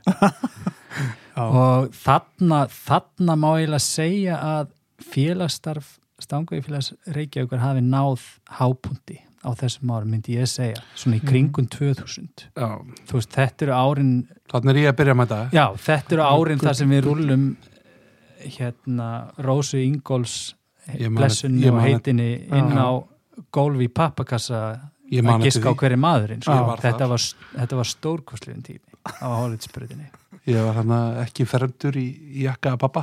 Nákvæmlega. Þetta var, Reykt inni. Það var ríkt inni fyrir allan peningin sko. og, Gyrnilegt og hérna þetta var svona ákveðin blóma tími í stangveifélags algjörlega. þetta er fyrir tíma samfélagsmiðla. Já, já, Hérna, þarna mæta menn til að sjúa í sig vitneskju og, og ég er að fróðleik og stemningu Já. og sögur og já, þarna er síðan er þetta nær svona hápunti á stóra amæli félagsins uh, sem er þá hvað? 70 ára amalinu 99 já, 99 er 98, stóra amæli já. ekki, var ekki stóra amæli, jú, 80, 90, 70. Já, já, já, sjö- já, 99 þetta eru Mm. árin þetta 98, 99, 2000 já. mikill og góðu tími En maður er ekkert erfitt að fara frá lagsa þarna á sínum tíma? Jú, en, en samt ekki ég náttúrulega var náttúrulega mikill stanguðifélagsmaður Já. og er, eins og ég segi, nánast alin upp þar Mm. uh, þekkti mjög vel til innviða og svæða félagsins Já, já. þannig að það var mjög auðvelt fyrir mig að hoppa þarna inn uh, Hvernig aðtökist það? Það var nú eitthvað kerkja í eins og góður okkar árna og eitthvað yfir. Já, skiljanlega Já. það er bara mjög Þú varst búin að vera þarna á krúsetnum og gæti verið kannski aðeins í bakrættinu Já, já, já en uh, já, mjög skiljanlega og náttúrulega örgulega, þú veist, þú lært mikið á þeim tíma Já, já, já. Lagsá. já, algjörlega og á, á þeim mikið að þakka Já, já. en, en þarna var, þetta var bara of gott tækifæri til að Mm. segja nei, þarna var bara búin til staða og þeim fannst vanta upp á þjónustu þáttinn og fræðslu þáttinn og, og uh, það er ráðin hann nýr frangöndastjóri Pál Þór Ármann Mm. Mhm. og við áttum ákálega gott samstarf þarna En Já. þetta er náttúrulega einstakur tími bara, eh, náttúrulega bara íslensku þjóðlífi, Já. þessi ára eftir engaveðingu. Já, Þannig er nóg, nóg peningum, menn er að hugsa á stórt og, og hérna, þú veist, við töldum upp hérna veðisvæði Lagsá áðan, þarna, Guð minn almáttugur. þarna- þegar þarna var stang blásið og- til sóknar. Já. þú þú veist, hvað eru að tala um þeirra, þeirra samstarfi við lags og, og regnsæði komið inn í þetta? Þá er þetta bara sko, liggu við þetta sprakk bara. Já, uh, þetta er nesið, já, það, það er bara þetta er ofst mikið til að telja, Já, þetta er þessi Já. og bara já, þetta var bara þetta var risast Gígantískt magn af- af- og af- þið sjáu það bara á þessum árum þannig er þarna held ég utanum vefsíðu félagsins, ég held utanum fréttabrefið ekki gleyma spjallinu spjallið gamla Já, já. spjallið það var nú bara full vinna að sjá um þetta spjall og öllum, öllum eh, fréttunum, ég meina Já. heima síðan var þú veist því líkt lifandi á þessum tíma mm um, náttúrulega og- ekki komið Facebook og þetta dót, sko. nei, Nei. og hvernig voru sunnundagsmónunir að taka til að spjalla nákvæmlega, það taka- var það taka fyrsta til. sem að gerði það var að taka til á, á netspjallinu sko. Já, já það var alltaf alveg maður þurfti helst að vakna snemma á sunnundagum sko. Já. Þess að Kíkja ná, hvað- náði Já, já. besta frá þessum hetjum sem komum í ríkinu einhvern veginn að kveiki sér útu og Þetta svo var- gerst stórir á, á spjallinu sko. Já, en þetta var rosalegu tími og, og árin sem í hönd fóru þegar maður hugsa tilbaka bara hvernig fóru ég að þessu Mm. Veist, það, maður var í vinni allan sólarheng Já, það ekki? Þannig er símið farin að ringja þannig er sími fann að hringja maður. gask út í áskar Já, og, og hérna maður var bara í öllu. Já. það var bara þannig. Þarna náttúrulega líka kemur þessi breyting uh, þú veist þarna er stanguði fyrir að vorum bara stór leikmaður og markaði já, þannig kemur þessi pæling með stanguði fyrir að reykja ykkur EHF versus Mhm. mm stanguði fyrir að reykja ykkur bara félagskapin Stang, stangaði félagi Reykjavíkur EHF kemur sem sagt það sem að gerist er, er náttúrulega að uh, félagi félagi er skikka til þess að stopna EHF til þess að borga ekki- sín, sín skatta og, og gjöld. Var ekki átni sem að Jú, með þetta jú, við jú. dómstóla? Jú, uh, já, hann, það var bara hvort það var ekki bara samkynnseftirlitið eða eitthvað slíkt Já. sem að, sem að setja félaginu endanum, þessi já. skorður það er stopnað EHF til sölu, það sem að sala til utanfélagsmanna og Já, fyrirtækja til sölu til Já. og hérna fyrirtækja Já. og utanfélagsmanna Já. og eh, og ég er sem sagt fyrsti starfsmæður þessa félags Mm. og eini Já. um, og þannig að faktist séð var ég ekki starfsmæður stangafélags Reykjavíkur heldur EHF-sins Mm Þetta er svolítið svona confusing og erfitt að skilja þetta á milli því að þú náttúrulega eins og þú sagðir, sástum heima síðan á spjallinu og alltaf líka sko. þannig að það má eiginlega segja já, og náttúrulega hefur örgulega verið oft á tíðum erfitt að skilja á milli í, í þessum rekstri já sko. þannig náttúrulega vakna sko upp markasmaðurinn í mér og bara ambisjónið í að gera hlutina vel og, og sækja fram þú veist, það ég byrjaði að sækja sýninga mikið erlendis um, mjög mikið á Breitlandsegjum mm. um, búa myndi tenginga þar. Og þarna má ég að segja bara að félagi hafi í raun bara sprungið. Já, það, það verður bara viðkjænst þannig voru félagsmenn á vel og fjórða þúsund. Og náttúrulega mjög stór hluti að því er þessi sem ég rætti við hann Bjarna Júl þegar hann kom hingað hérna, hann kemur inn með þessa pælingu um fjölskyldu Já. aðaldina og allt það. Svona til þess að stækka félagið þá er, svona hefur verið eitthvað eitthva long time plan, kannski hefnast ekki alveg. Nei það, þetta átt að íta undir nýliðun og vissulega gerði það það að ykkur leiti Mhm. en, en náttúrulega þannig voru bara menn menn að ná sér í auka aðleifi og, og svona létta sér lífið. Eh, menn voru með, þú veist, mánaðu gömul börn hann inn í félaginu til þess að ná sér í auki aðleifi í rétt sko. elleðanum Já, tvo dagi allir já, já, maður, maður er runni sér þetta bara e, en þetta í dag sko. Já, en hérna já, þetta er þetta er mikill vöxtur og þetta gengur alltaf vel. Þú veist að selja veiðilega á þessum tíma lítur að vera ótrúlega skemmtileg tími þegar all, all fyrirtækinu á markaði. Reyndar útlendingarnir að fara út. Já, nei, mér fannst það einmitt bara ekkit sérstaklega skemmtilegt vegna þess að þetta var bara of auðvelt. já, Þetta var bara það, þú veist, þetta voru fjármálastofnanir og fyrirtæki sem keiftu upp allt sem í bóði var. Mm, Já, og uh, gengi náttúrulega gríðarlega stert á þessum tíma. Útlendingarnir svona svolítið hrukku af okkur. En ég hef reynda sagt það á móti að að þessi fyrirtækja og bankaveiði gerði samt ekki bara skada vegna þess að til landsins var bóðið mjög auðugu fólki í viðskiptavinum bankana sem kynntist þarna stanguð í fyrsta sinn og eru ennþá að koma Mm. enn þann dag í dag.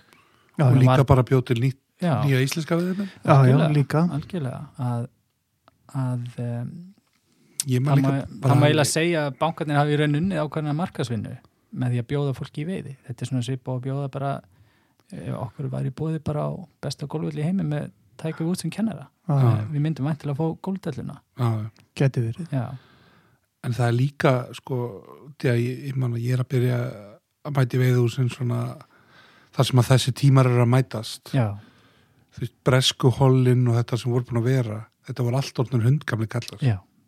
Það var, þessi tími var að enda hvort sem er kannski. Já, þarna hafði líka sko, ef þú fer 35 ára aftur í tíma þá er sko 80-90% af okkar erlendu viðskiptunum þá voru amerikanar. mm, já, Þeir hverfa með salt, saltvarsviðin.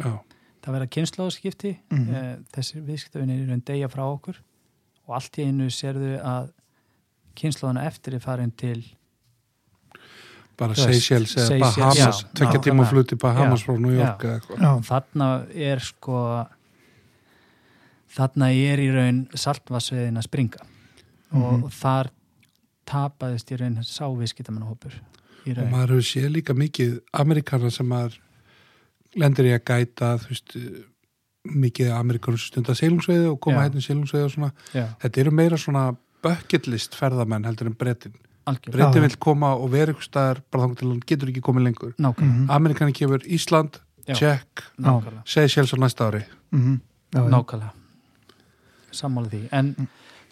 á móti kemur að þú veist, þarna opnaði, þarna var kaupgeta Íslendinga náttúrulega miklu, miklu meiri heldur en útlendinga. Mm. Það er ábyggilega í fyrstu og eina skiptið frá því 1900 og, eða bara fljótlega upp úr setni heimstyröld sem, já. sem að það gerist. dólar er í 60 kalli Já, Mhm. að þarna, þarna sámaður Íslendingin líka virkilega að byrja að veiða já, og, og miklu dýrari og meiri veiðilega heldur en menn hefur lift sér áður.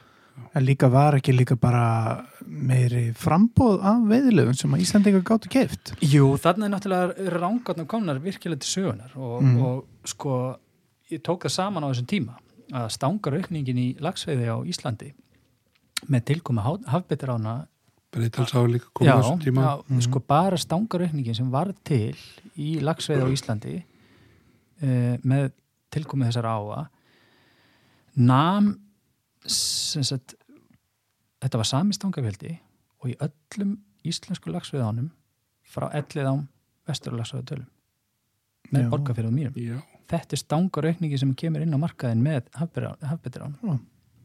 það er ekkit smá þetta er náttúrulega heil hellingur inn á Já. markað Já, en þarna líka kannski getur hvað maður að segja en almenni veiðumar á þessum tíma er mikið að sækja í þetta og meðan að fjármálastofnunar hafa svolítið tekið yfir kannski bara svæði frá 11 ánum að já, lagsa við dölum. já, Já, já. Eh, Þarna sástu þetta innan við þrjá tíma frá Reykjavík Já, þarna verður til veiðisvæði eins og bara þegar á í fljótslíð, róvaslækur, nollingafljót, rángátnar, affall, hvað þetta heitir allt saman. Breitalsá Að, að þarna var bara algjör sprengja í frambóði og já, og vantarlega sprengja í frambóði út af eftirspurn. Já. já, Það að reyna að mæta þessar, þessar miklu þörf fyrir En það voru líka góð áraða eins og 2005, þú veist, þá fer kjarra á, þeirra kjarra í 2004 mjög góð ár. 4200 Já, laxa og það er merkilega við að þetta voru flest af þessum ám voru þurrka ár. Já, en, En- hellingur að smála sig mjög mikið að smála sig þannig er, þannig er sko í raun stóla sinn nánast komin að fótum fram Ég Já, eftir já. þetta Eh. betar sem að þeirra kjarra fór í 2000, Já, nei 4200 eða eitthvað. Það var einn 20 pundari sem veitist á öllu Vesturlandi Já. og Suðurlandi. Já. Það var engin, engin í Stórulagsá eða Nei, það var einn 20 pundar úr steinahæli þeirra that's it. Nákvæmlega. Spáið í þessum Já. þetta, var, þetta var bara búið og maður skildi vel af hverju þetta var búið. Eftir Já, að hafa staðið á bökkun lagsar í kjós Mm. og sjónrend á hvern einasta kjátt sem að gekk í ána mm í júnimánuði Mm.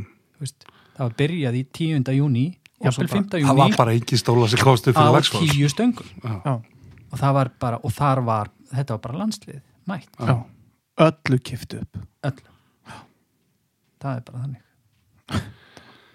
En svo hérna ef við förum sko 2007-2008 þau ár já, þegar að þetta samstarfi lags, EHF og Regnasa byrjar sem já að, það byrjar þarna 2000 og bara f- s- fljótlega 2005, já, en byrjar að ná hann einhverja hámarki þegar þú veist, þá er kjósin komin inn í þetta Já. grímsá og, já. Og þeir, þeir- voru náttúrulega bara þetta- megin við gangin sko. já, þeir voru bara í sama, bara Já, upp í já, haustu veri og já, já, já, þeir sáum að selja præmið já, þeir keiftu bölk af Já. já, og við á móti kom við keiftum í aðartíma af þeim uh, í dag, ég veit ekki hvort það hefur verið leift út frá samkynssjónamiðum Nei. en Nei. hérna en þetta var mjög öflugt batteri sem að það er ekki að hálitsbrut 68 á þessum árum, það verður já, vikjast það er Já. mikið af, af veðilegum voru seldan á þessum Já. árum.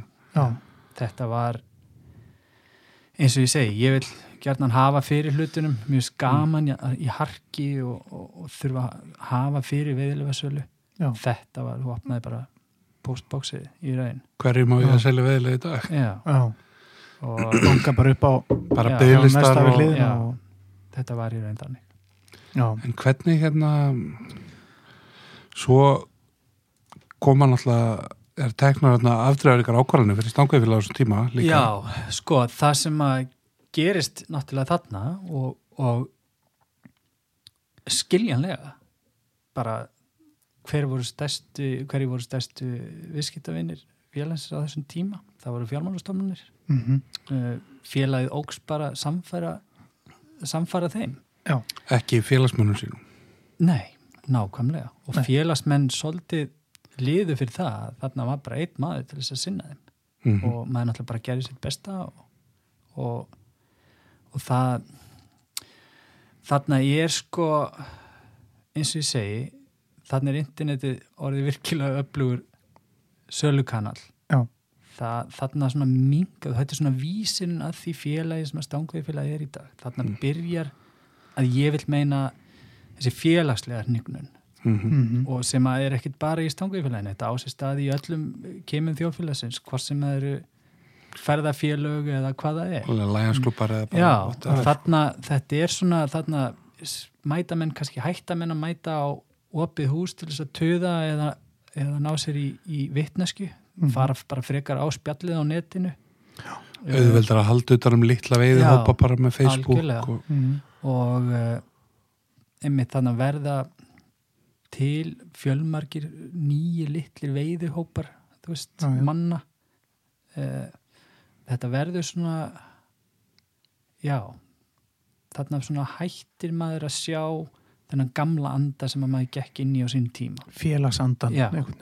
það var Já. náttúrulega það var náttúrulega reynd að halda úti öflugu félastarfi en það náði sér aldrei á skrið þarna eftir þessi ár, myndi ég segja Nei, nei. því miður og svo er tekin tekna ákvarðanir eins og að bjóða í, í urðaðsvæðinni í Mjörsveit Já. og, og Lagsvöldal sem hafa reynst að sé afdreifar þau reyndust félaginu bara gríðarlega erfið og, Mhm. og um, þegar að hruni skellur á þá náttúrulega verður mjög þungt að dalnum.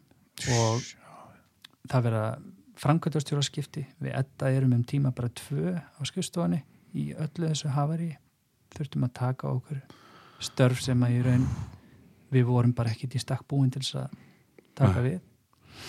Bjarni Júl er náttúrulega meira og minna á skrifstofunni á þessum tíma að reyna að slökka elda og en þannig er Þannig GSM já, þannig er Guðmundur Stefán en, en í aðdragandum, já, þarna var bara þarna hlupu menn allir sem að gátu í raun reyndu að hlaupa undir bakka og það þarf að eiga náttúrulega samskipti við alla, Mhm. alla þessa Já, bændur og landeigundur og já, banka og, og ég, og ég held í raun að menn gerir sér ekki grein fyrir því grett staki sem að bæði starfsfólk og, og stjórn félagsins vann á þessum tíma. Bjarni Júl sagði nú við okkur þegar hann var hérna að, að, að þeir hafa reynlega náð bara einhverju reynlega einhverju kraftaverki með að bjarga félaginu ég bara. er alveg saman á því. Þeir fóru í bankan og bara þetta er það sem við ætlum að gera. Ég man ekki hvort það er eina viku eða, Já. eða bara mánuð í einu. Já, það var en, þið, en þið sjáu bara líka geggjunna sem að átti sér stað á þessum tíma. Um, sko ég man að sko þarna byrja sko virkilega álægið á manni já, maður held að, að það hefði verið mikið að gera á þessum árum þannig að 2005, 6, 7 en 2008 haustið 2008 þá má ég virkilega brett upp þess Já. að þá er íslenski markaðan algjörlega farin þá er Já, já. hrun. Og uh, þá þurfti maður virkilega að fara að tósa í þá strengi sem maður hafiði bæði út í Breitlandi og, og Bandaríkjunum til þess að losa þessi veiðilefi já, já, hvernig sko veist, það, er, það eru fjármálahöft uh, ég var ringjandi heim já, já, takandi greiðsluna með greiðslukortum. Að það var ekki að senda peninga. og það var senda náttúrulega bara líka betra hvort að gengi var mjög stert á þessu tíma. Gríðarlega og stærst þarna komist, nú, þá var röðin komin á útlendingunum aftur. Já, já, allt í hennu var Og- rosa ódýrt að veiða á já, Íslandi. og ég man ég, ég man sérstaklega vel eftir einu at atviki að ég hef samband við til og með haustið 2008 það bara, þú veist, þarna er bara ekkert að seljast. Nei. allt á vona völ og félagið er bara að fara í súgin Já, og ég ringi í tvo félag mína í Breitlandi Robert Gil Gilchrist og Graham Corrett. Og ég segi það strákar. Getið ekki komið aftur að veiða? Já, það er bara, það er og- til. Já, hérna 20. í 27. september í stórulega svo 1 og 2 já, engi vildi kaupa þetta nema hvað þeir slá til og kaupa alla fjórastangina kosta það náttúrulega óskaplega lítið. Fyrir þá. Nema hvað það kemur eitthvað upp í vinnunni hjá öðrum þeirra og hann forfall- forfallast. Og Graham kemur einn. Og við förum austur. Komum án í vatnavöxtum og ég næja komunum í metislangan hang. Í Reykjumla með fjögur, nei, nei, eitt, á svæði eitt og eitt. og ég hugsa með Guðmund Almattinu að það búið að rætta þessu. Já. nema í þegar ég vakna morgun eftir það var kallin eitthvað riðgaður og ég segi henni, ég ætla að kíkja henni á brún við veist að hreinsa sig og ég kíkja fram á brúnni og, og ég hugsaði með mig bara hvað, hvað var ég að drekka í gær? Fer aftur upp í bíl og sest inn í bílinn og, og er bara ekki alveg að átta mig á því sem ég hefði séð nema ég lappa aftur fram á brúnna og jú, undir brúnni eru svona 300 fiskar. Jesus! Og við taka einhver, einhver, einhverja klikkuðustu vakti sem ég nokkuð tíma séð. Vegna þess að á tvemu dögum landar hann 97 í viðbútt á eina stöng á fjórum öktum 97 hann landaði 97 lögsum á fjórum öktum og misti annað það hann átti ekki blank og kast. Þetta, þú mátt ekki eiga það bara til að ná þessu á land sko. Og þetta, Þetta eru nú var- ekki alltaf smálagsandar sem að skriða bíddu, þetta upp á en, þessum tíma. nei, nei, en býði við vorum bara hálnaði með túrin. Það var bara tveir og halvu tíma, dagur búinn. Já, nema áinn fyrir kakko aftur. Og ég þokka til kallin farin í bakinu. Og hann segir með hann ég get ekki meira, ég er bara flóin heim. Bara líkala og búin ég ringi í menn sem að voru upp á svæðið þrjú, nonna bald og, og félaga. Og ég segi, við erum farnir þeim er bara að eiga þetta. Ég heldur að hafi fengið einn. Þetta var búið. Þetta var búið, áinn var bara í er kak kakko það sem þetta var. Já, en þetta var eitthvað, eitthvað það svakarast sem ég nokkuð maður. Hefur heyrt marga góða sögur frá þér hérna Halli og Leysögn og hérna á leiðninga þá hittu við góðan félagin og félagið áttarinn sem Gilva Gaut. Já, hann mikla snilling hann mikla meistara.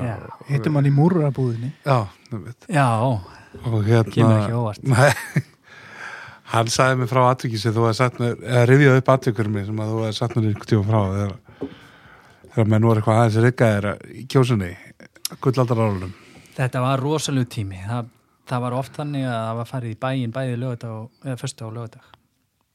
Svo bara mætt sjö til Já, að gæta ég maður bara kom út úr leigubílum kannski sexleitið og fimm-sexleitið og síðan var bara farið aftur út. Já. Þannig var bara tíðrandinn og já. ungur og já, og leikur sér já. endalus orka og já, já, Já, já, já, lítið um þingu og, já, bara ekki til. nei, nei. Ha. En það nertu með eitthvað bresk hjón sem að þú ætlar að fara með eitthvað að nöfnir í, í kjósuna Heyrðu, já. Hann er væntilega að tala um hérna Býtu, hvaða hjón voru þetta? Þetta voru heyrðu, þetta eru armatarsjónin þegar þú fyrir að pissa þá veistu hvaða hjón það eru. Já, postulín. Það er postulínu Já, nema hvað, ég hafi verið eitthvað staðar á skralli í bænum ofta sem aður og við höfum skriðið heim seint og ósopnir þetta var lögðskvöld, við höfum tekið báða dagana. Já, og við áttum búðuna þennan morgun mann ég Já. þau voru sér mægt að fara mjög snemma út. Þetta var verið um áttaleiti eitthvað svo leis og, og ég var óvenju þreyttur. Ég tek vittlust að beigju þegar ég kem út af afleggjaran frá gamla veiðjúsinu og keiri upp kjósaskarið bara aðeins bara átta, átta með á því sko. Já. og það bara slöknar á mér. Ég er bara á einhverjum autopilot. Þú bara keirir áfram? Já og ég ranga við mér þegar ég kom á þingvelli Hjónin svoðandi aftur í. Hjónin líti í baksýninspeilin og sé að hjónin eru bara sofandi aftur í og, og ég sný við á punktinum og gef í og sem leiði liggur eftir þingvalla vegi og neðu kjósaskarið aftur og fyrir meðafallið og nýri búðu og uh,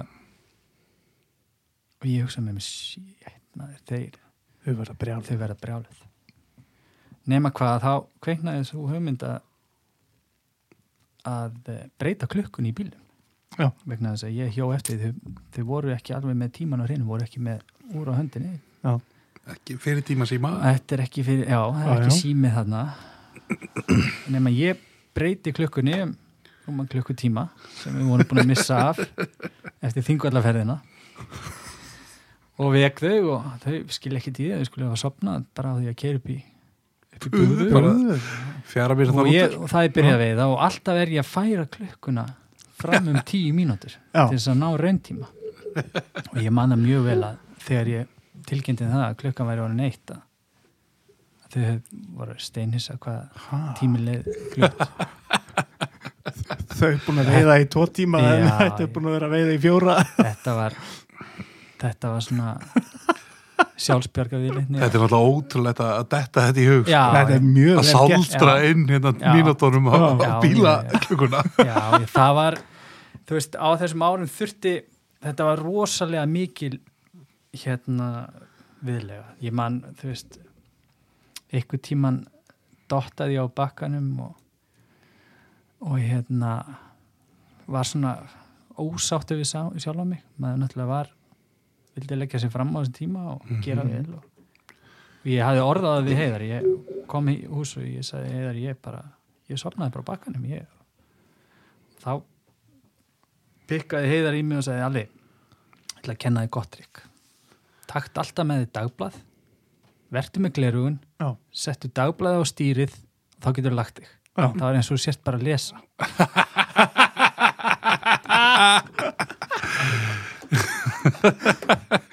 Það er mjög gott. Já, Það vitið þið það, gætar landsins í dag og það er dagblæði nei, ég, nei, það er nefnilega maður á eitt að vera inn í bíl að lesa. Ég hef satt séð þetta drikk eiginlega, fullkomna held ég. Það var hérna Píkjara á í hérna öðri spekli og gætinur upp í hlýðinni hérna Já. hinum megin og maður neyri já, það er mark hérna amerísku gæt sem var hérna í mörg ár. Já, þannig að ég er upp á ég hérna fyrir neða veiðhúsið bara og er eitthvað að reyna að ná sambandi við hann? Ég sé að hann sko er með flugubóksið sitt svona opið í höndarum sko. Já. og náttúrulega hérna, svörtu glerun á og bóksið dreynir. Þannig að þegar veiðið maður lítur upp þá er hann alltaf sko að skoða, hann- spá í boxið. flugunum Já, sko. Já, og svo vaknaði hann, ég var myndi var eitthvað að reyna að veiða honum, ég var nú ekki að kalla hann, svo kallaði gæðin So should we try another fly? Og bara, yes, I think I have the right one. Líka mjög Það var engin leið til að besta við þetta sko. Nei, það er bara sko En þetta er sem betur verð kannski aðeins breyti tímar í dag. Já, já. En, en sko ef við hlaupum aftur á þessum þannig fyrir hrun mm. að þá einmitt sámaður hvað hvað svona gott teimi við ár getur skipt gríðarlega miklu máli. Já, á þessum árum var teimið upp í norður á náttúrulega annálað. Þannig voru Palli veiðhúsinu mhm, sá mikli, mikli snillingur. Já, já, Gísli Áskeis, Siggi Héðin, Jói Steins. Uh, þetta var ofbóðslega gott gengi sko. já. Og einmitt svona samvinna í gangi. Já, ekki, ekki, keppni. keppast um topprætt Nei. sko. það verður, já, bara við, við tö- tönglumst náttúrulega alltaf á þessu hérna, Já, já, hérna. já, en þetta er svona þegar maður hefur upplegað það að vinna svona í einhvers konar tandem þá er Já. hitt alveg rosalega Já, þreytandi. já, já. Já, En, en síðan náttúrulega náttúrulega þarna þarf að skópla inn gætum og alls konar Já, já, það er bara þannig. Er margir tilkallaðir allt í einu. Já, já, já og margar skrautlega sögur af því Já. á þessum tíma. Já, það er bara en ok, Stango er að berast í bökkum þetta er 2008, 2009 uh, útlíkandi byrja að koma. Þið náðu nú að selja strax svona, svolítið í dalnum náðu að marka þetta. Það er á breytan sem Já, svolítið svona nýtt. Já, breyta og Já. bandaríkjumenn já. Já. já, og er ennþá í rauninni? Já. mhm, Þarna var til Já, maður þurfti náttúrulega sko að hluti til að að rýbranda vöruna. Já, já, já, það er bara þannig. Og og eh, einmitt á sko þarna byrja maður að tilenga sér svolítið líka nýjar aðferðir. Veist, þarna, eins og ég segi er maður mikið á ferðinni ellendis ég man bara hvernig álæði var á mér hann fljótlega eftir hrun. Eh, einhvern tíma fór ég á sýningu út í bandaríkinum eh, kom heim eftir þrjá fjóra dag og kíkti á borsíma minn ég held að það hafi verið 6106 miss calls ha, eftir tökja bara daga sýningu ég vi, Fjara- viku já. skamtur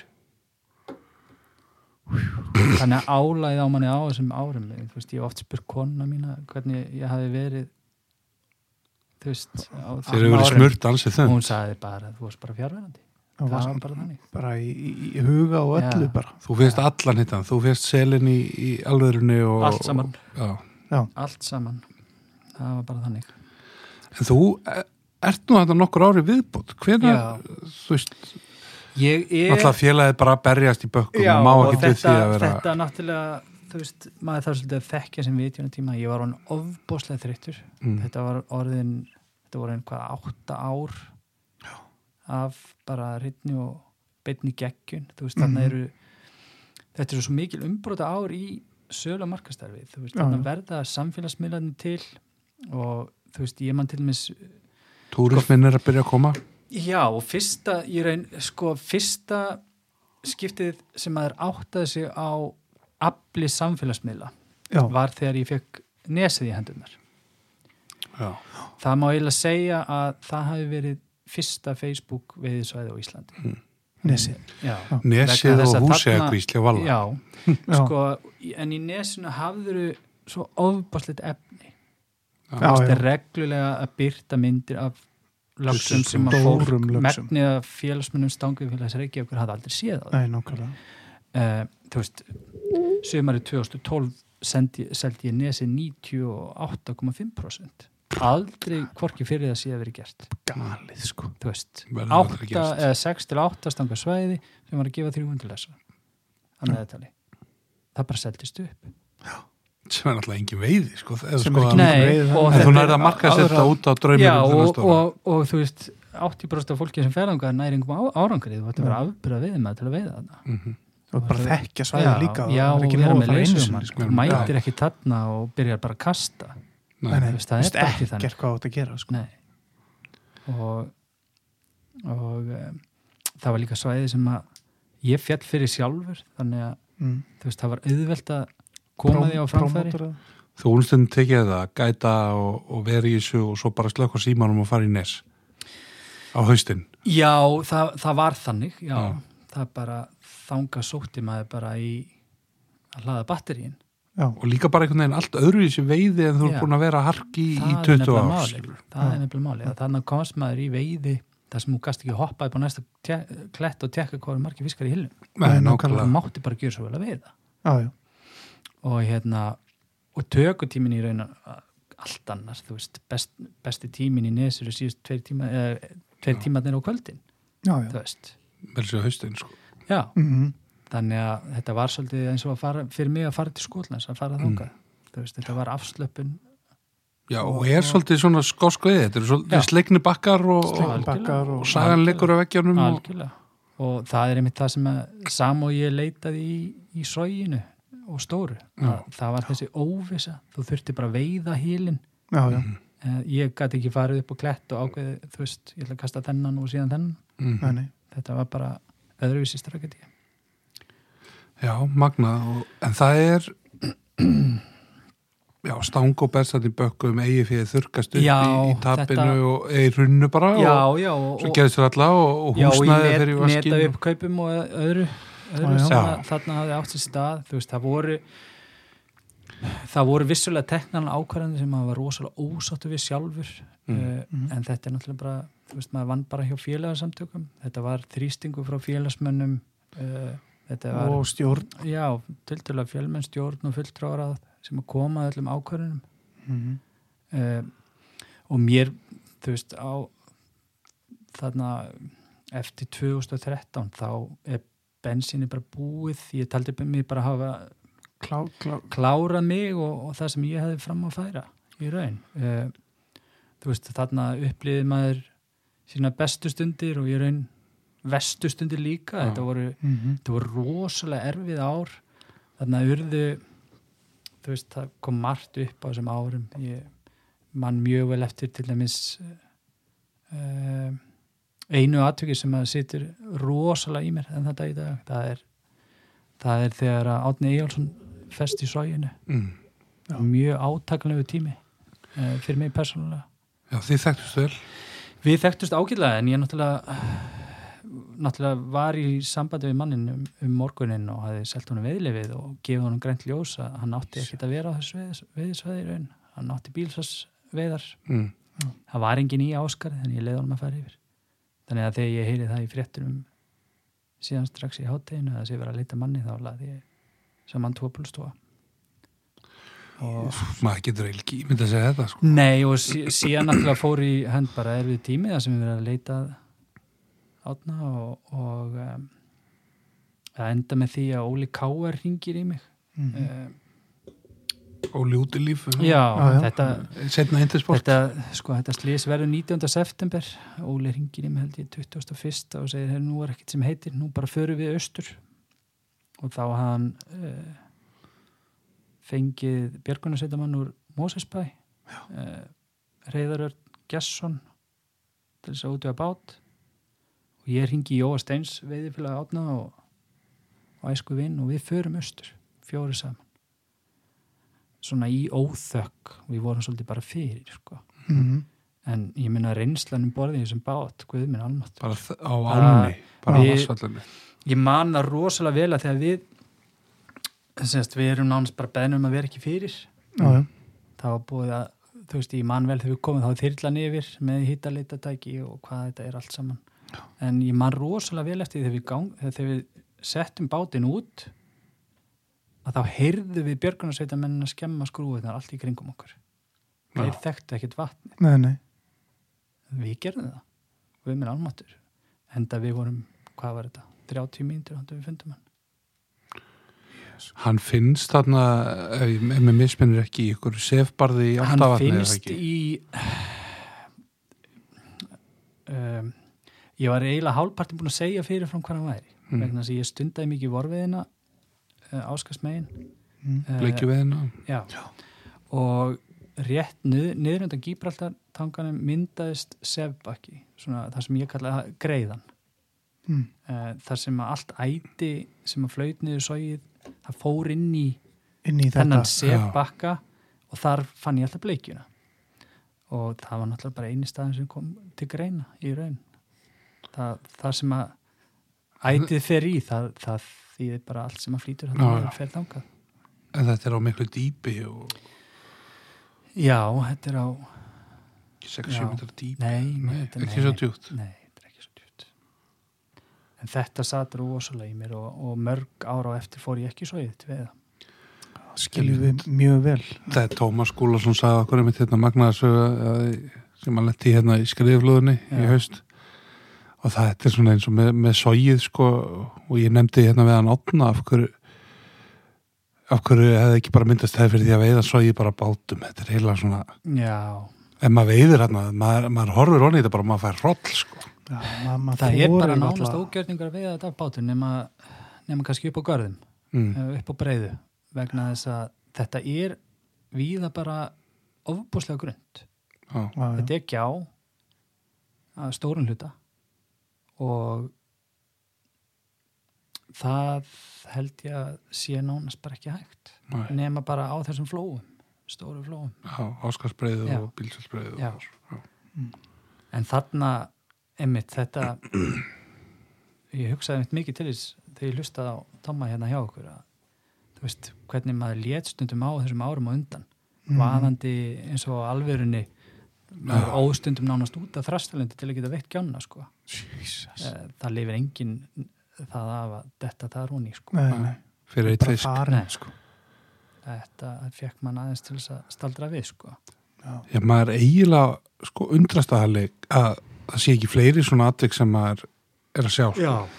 Já, því að maður, hefur, maður veit og maður hefur sjálfur lent í svona kannski vafasum atvikum sko. Já, nákvæmlega nákvæmlega en já þarna verða kannski pínu kapla skil þarna Já, og, og- og, þarna 2013 uh, hausti 2013 þá uh, er mér bara nánast farið að líða illa í vinnunni og Mm. það er bara komið tíma á breytingar mm, náttúrulega eins og Stjáni Ben sem að setna gengt þessari stöðu og Já. hérna sagði sko í þættirum hjá okkur að fólk átt sér ekki á því að vinna fyrir stang og er þú veist, þetta er líka í pólitísk staða það eru alls Já. konar svona öfla toga og það Já. er bara þetta innan félagsins og, og náttúrulega á þessum umrótstímum hefur þetta verið svona örugglega bara er, mjög erfitt starfsum hverju Já, burt sér frá bara hvað er erfitt að selja á svona, Já, já, ég menna þú veist stóri karakterar já, maður bara bjó í vinnunni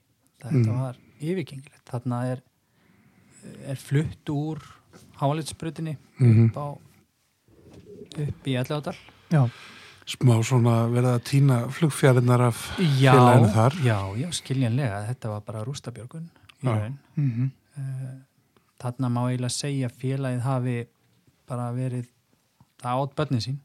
Já, það Já. er bara þannig. Þarna voru samningar búið að skrifa undir samningar langt fram í tíman uh, jafnvel sem fjárhásleg skuldbytting félagsins voru hann gigantísk. Mm en eins og þú sagðir, í samræmi við fjármálafyrirtækin og, og bara svona tíðaranda í samfélaginu. Já. það er bara þannig. Þannig að 2013 minnur þetta að verið ég minn segja bara á miðju sumri þá, þá ferð þú frá Nei, ég ég tek ákvörðunina eftir eftir svona þegar síðustu útlendingarnir fara það sumarið þá fer ég nýjum félag og tilkynni þeim að ég muni hætta Mhm. og þetta er bara, ég geti sagt það 24. ágúst ég man það vegna þess að Finnlandin fóru langa á 23. já hérna að hérna þá, þá var bara komið nú og hérna og ég saði skilu við félagi sem að ég hafði í raun verið í frá fermingu Já. og verið þar í trúnaða störfum í tvo áratau í raun. Þetta var ekki alveg hvað maður að segja eins og maður eins og maður hefði kannski grótað þetta upp í ævintýri þú veist þarna voru stóri karakterar og Já, stór orð og mikla tilfinningar já, og já, já, Já. skiljanlega. En, en hérna menn náttúrulega bara í stríði já, að halda félaginu flótti já, já, já. Og, og eins og ég segi teknar ákvarðanir sem að maður var kannski ekkert sáttu við Nei. og þá er Mhm. bara þá skilja bara leiðir og, kannski bara betra að fara einmitt já, og þú veist maður gerir sjálfur mistökkan á þessum tíma Mhm. eins og allir sem að þarna voru innanbúðar er Haldur Jörgensen komin hérna já, þannig er haldur komin og við náttúrulega þekktumst, við höfum verið starfað saman í skemmtinu Já.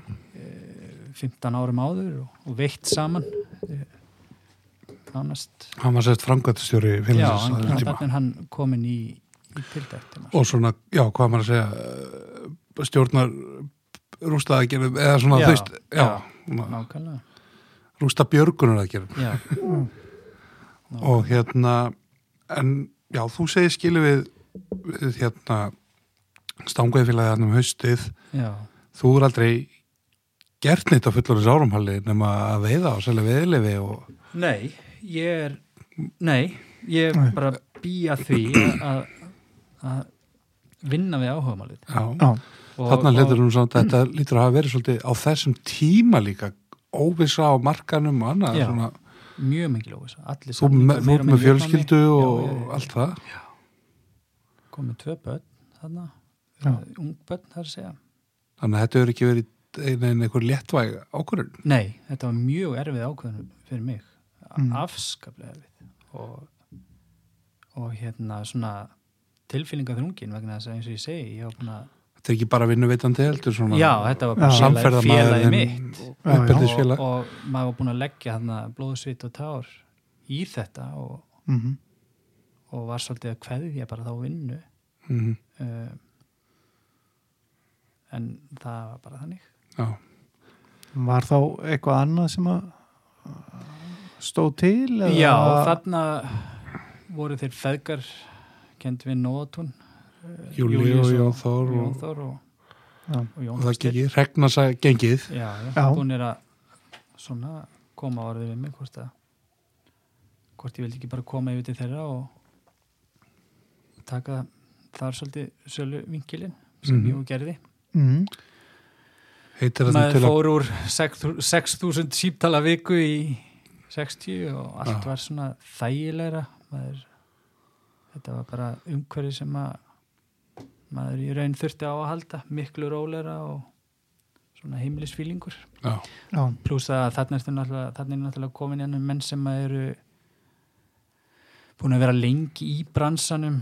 Við erum svona svolítið samstíga í skoðunum á þú veist Það er náttúrulega- agni og, og, og, og vernduna þættinum líka. Eins og við komum og til dæmis, já, þú veist stangveifélagi þú þarf náttúrulega að þjónust alla félagsmenn já, og, og náttúrulega líka pólitísk já, kosin stjórn, eða þú veist, bara kosið í stjórn og kannski alls konar reynslustig og reynsluheimur sem þetta fólk er að koma með nákvæmlega, inn í það. og, Mm. og, það var til dæmis afskaplega frústrirandi á árunum eftir hrun að sem sagt sölutími veiðilega og erlend markaðir fyrir áramót mm. uh, ég mátti alltaf taka september, oktober, november já, en síðan átti sér stað útlundi félagsmanna og ég fekk í hausinn vöru jafnvel í februar, mass sem ég hefði getað selt í oktober mm. Já. uh, þetta fór uppáslega þetta getum hann svolítið að Mhm. þurfa síðan að byrja upp á nýtt í mars með vöru sem ég átti að vera lengur búin að vera að selja sko. en þetta er, náttúrulega, þetta er náttúrulega stóra dilemmað við konseptið að Algjörlega. stangveifélagin í dag algjörlega, þarna tógast á félagspakkin mm. og uh, Skuld- viðskiptalega já, fórsendur og skuldbyttingarnar Já, og, og eins og ég segi, félagi bara þarna á um tíma var bara orðið einhvers konar monster Já. í raun sko. en hvernig til að við komum nú aðeins inn á við förum eitt skjöld tilbaka til að ég bara mun manna til þessu núna mm. við komum inn á það með þetta EHF og, og svo félagið Já, uh, þetta EHF er ennþá til í dag, ég veit það, ég Já, já. Gæta, gæta fyrir þetta, en Já, þú veist þetta er svona hvað maður að segja, þetta er svona verið grálína kannski svolítið frá hrunni, hann á milli. Meinaru í bara rekstri? Já, Já, náttúrulega árin eftir hrun varð EHF-ið faktisk sé bara stærra heldur en stanguðfélag Reykjavíkur. Mm, mhm, vegna þess að maður þurfti bara að gera svo vel að koma þessi í ló ellendis sem viðlum já, sem að félagsmenn skildu eftir og, og vildu allt í einu ekki og hafði bara ekki getu til að kaupa. Og, og þarna byrjar að fækka í félaginu.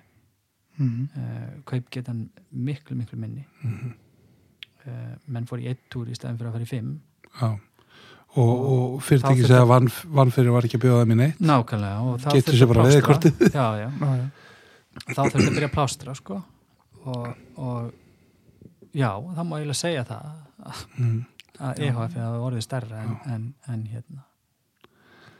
En ef við, áhagamannafélagi ef við förum aftur yfir regnasa, þarna ertu náttúrulega innan regnasa er kjósin, þú ert komin aftur heim. Já, Já. má eiginlega segja það. Það lítur nú að vera svona sætt líka að geta, Jú, í raun.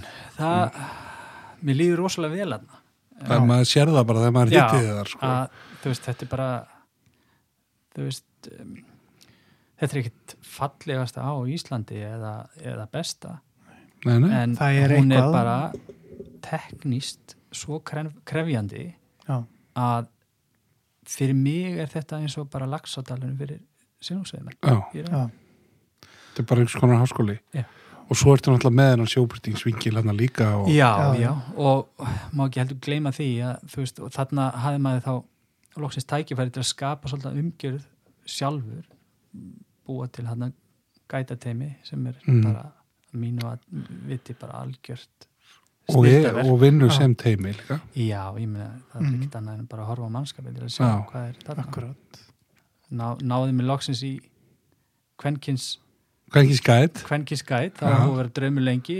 Ég fann hann aldrei innanlands þannig ég hefði að segja hann til Tjekklands já, við erum einmitt svona eitthvað sko að það segja ykkur viðmælendur hérna í er hvern það er kynns veldi fundið. Já, en Já. það er bara, þú veist, við, maður er búin að pæla mikið í þessu, jú, það er einhverja konur og allt það og Já. allir duglegir og, og góður og það en, en svona, En eins og þetta er bara svo skamt að við komum, við erum svo nýbyrjuð. Eða, eða konunar eru svo nýbyrjar á þess að ég sé algjörlega að skjóta mig í hóttir þetta með þetta, en hérna, en, en allavega, já, þetta er, þetta er bara staðrind, því miður.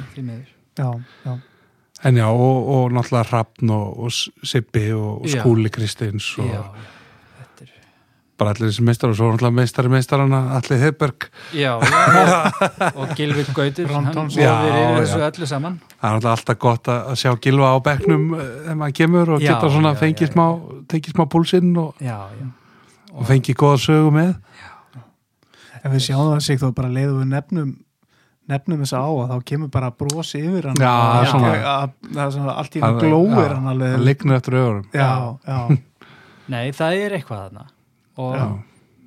þú veist eins og til dæmis strákarnir sem að vinnaðu frá í dag sem nöfnir sem voru að nefna í náðan það er eitthvað sem togar í þig aftur já, til þess að fara þarna. Þetta er strákar sem að faktisk getur fengið, fengið vinnu hvað sem er. Já, Og þau þurfa að þjást fyrir hverjum einasta fiski sem Já, þau tóa en land það er, það er í raun sko líka þú veist þetta er Skemmtilega. eiginlega bara ánetjandi. Þetta er vana þetta er bara, þú þart á þessu að halda Það að fara þarna og sækja fiskin fisk á eftirmyndasvakt í 20. hitt og sól Já, þú mm, og svo þetta er er þetta, bara, þú vinnur að þið raskatið já, já, svo er það eins og við höfum nefnt hérna í þessum þáttum, það er ekkit betra en þessi svona sameila þjáning leðsögumanna þegar þegar líða fyrir sumarið og menn eru svona að stappa stálinn einhvern annan og, en, en, og einmitt reyna að gera þetta saman sko. já, Já, en, það, staðin fyrir að taka tvo, tekur kannski einn og sendir Já. félagann en, já, en náttúrulega með því að þegar ég færi mig yfir þarna 2013 og Mm. næ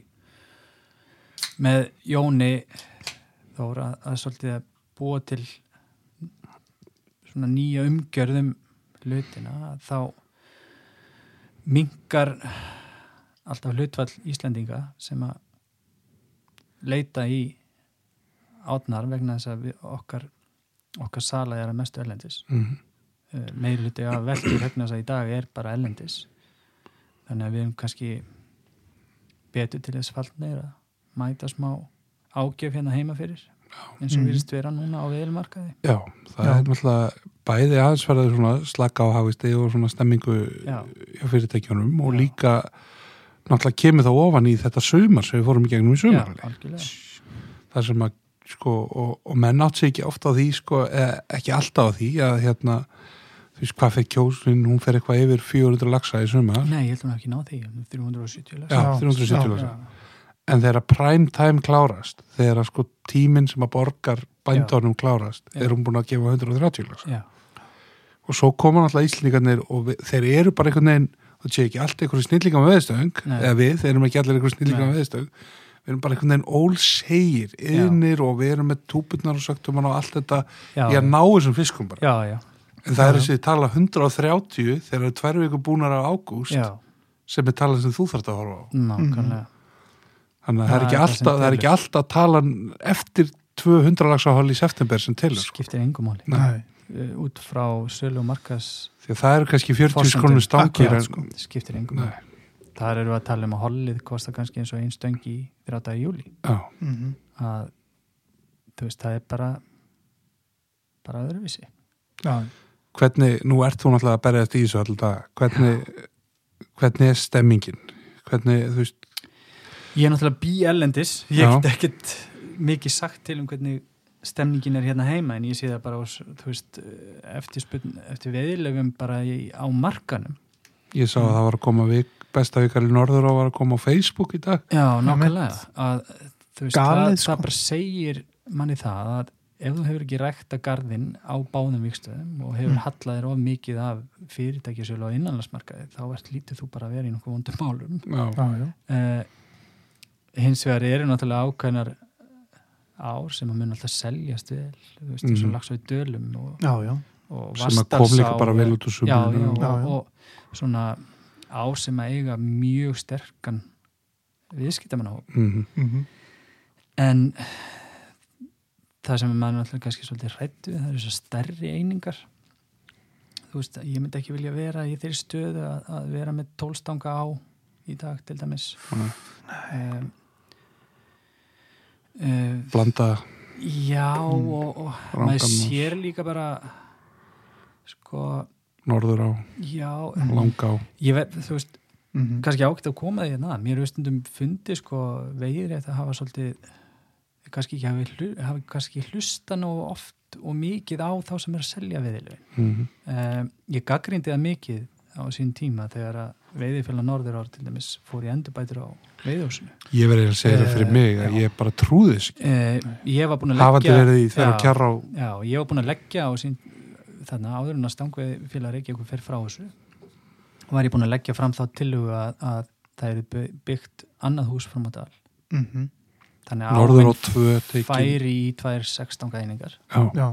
og er þið selt sem held vegna þess að það er miklu betra að selja 16 á heldin 12 Mhm. Þú en vilt því ekki miður var ekki hlustað og farið í að byggja þetta hús sem þannig núna sem er svo sem allra góðra gælda verðt og, og, og allavega virðinga verðt við sko. veiðifélagi hafa farið þó í Mhm. framkvæmdir og Já, já. aðstöðu við veiðimenn Mhm. en ég hefði gert öðruvísi En það, það er bara tvent ólíkt það eru ein, er mjög fáir tólstanga hópar Já, og þá segja menn, já, þú getur ekki skipt norður á í helminga það stóð aldrei til. Efra húsið átti bara að veiða í róteringu við næra húsið og menn átti bara einu skipti, einu skipti sem að hópaði mættist var bara á, á þjóðinu Já. Mhm. En ég meina, af hverju segir það að það sé ekki hægt að skipta þetta? Ég meina, þú orður bara Já, þeirra á kjara til dæmis. Já, Já, nei, það, þú, þú ferð ekki í það, ég, með- það er svo erfitt að líka það saman vegna þess að það, þær eru svo ofbóðslega dalurinn og gljúfrið er svo ofbóðslega ólíkt. Uh, þú getur lent í árum þar sem að Og líka fossar og fiskur gengur ekki eins ger- já, og það er mjög misjátt hversu hratt hann gengur fram eftir. Uh, hún, er náttúrulega á stundum uh, vastleysa stríða. Þetta eru mikla fjarlæðir já, já. uh, þannig að Þú myndir kannski selja rosa mikið á svæði eitt Já, á, já. á þessum tíma og, tvö setna og ekkert á hinum yrði- þú verður alltaf að selja norður á sem heild. Góða punktur. já, En með eins og hérna, já, eins, og- eins og bara, eins og við erum í raunar að segja, veist, það er ekkit fyrirtæki að fara að kaupa helmingin á móti svo bara einhverjum, skilur þú, þeir eru ekkit að lendi því að vera með einhverja gúnna og svo er bara einhverju sextangir á einhverju blinda fyllir í eða eitthvað svoleið, sko. nei, sko, málið, mín hugmynd var svo að var að byggja sex 2-6. sextanga hús fram á dal Mm. sem hefði kostað bara 120 millir. já, bara hvað sem er ég meina, veiður sér lagsa í kjósi byggt fyrir á- 80 miljónir Mm. Stórfínt hús. Já, mjög gott. um, og síðan hefði bara verið hægt að ditta að því húsi og endun í að sko svefn aðstöðuna í neðra húsinu þannig að þú hefðir haft valið. Þú Já. hefði getið selt þetta sem tólstangaegningu Mm og Já. allir gist á Akkurat. sama stað. Já, en átt inn í hús framöndal til þess að selja þetta í 216 einingu Getur meiri sé bóðið, skilur, sextanga einingu með gistipláss fyrir fullt af fólki og kannski gert aðeins meiri luxus Já. eða eitthvað. Já, en fyrir vikið þá tel ég að Norður og bændur hafi rýrt sína vöru Já. alveg Það er alltaf Því að myndin- sammála Já, í því, sko. eh, því lík framkvæmd maður en, Jesus, maður. Já, það er annar mál það er annar mál. Já. Já. Það er alveg, við erum svona það er verið að fækka á listarum hjá okkur. Við getum náttúrulega að tala hérna endalust eins og, eins og með svo marga þú veist eh, að þessum mönnum sem að helga sig þessu.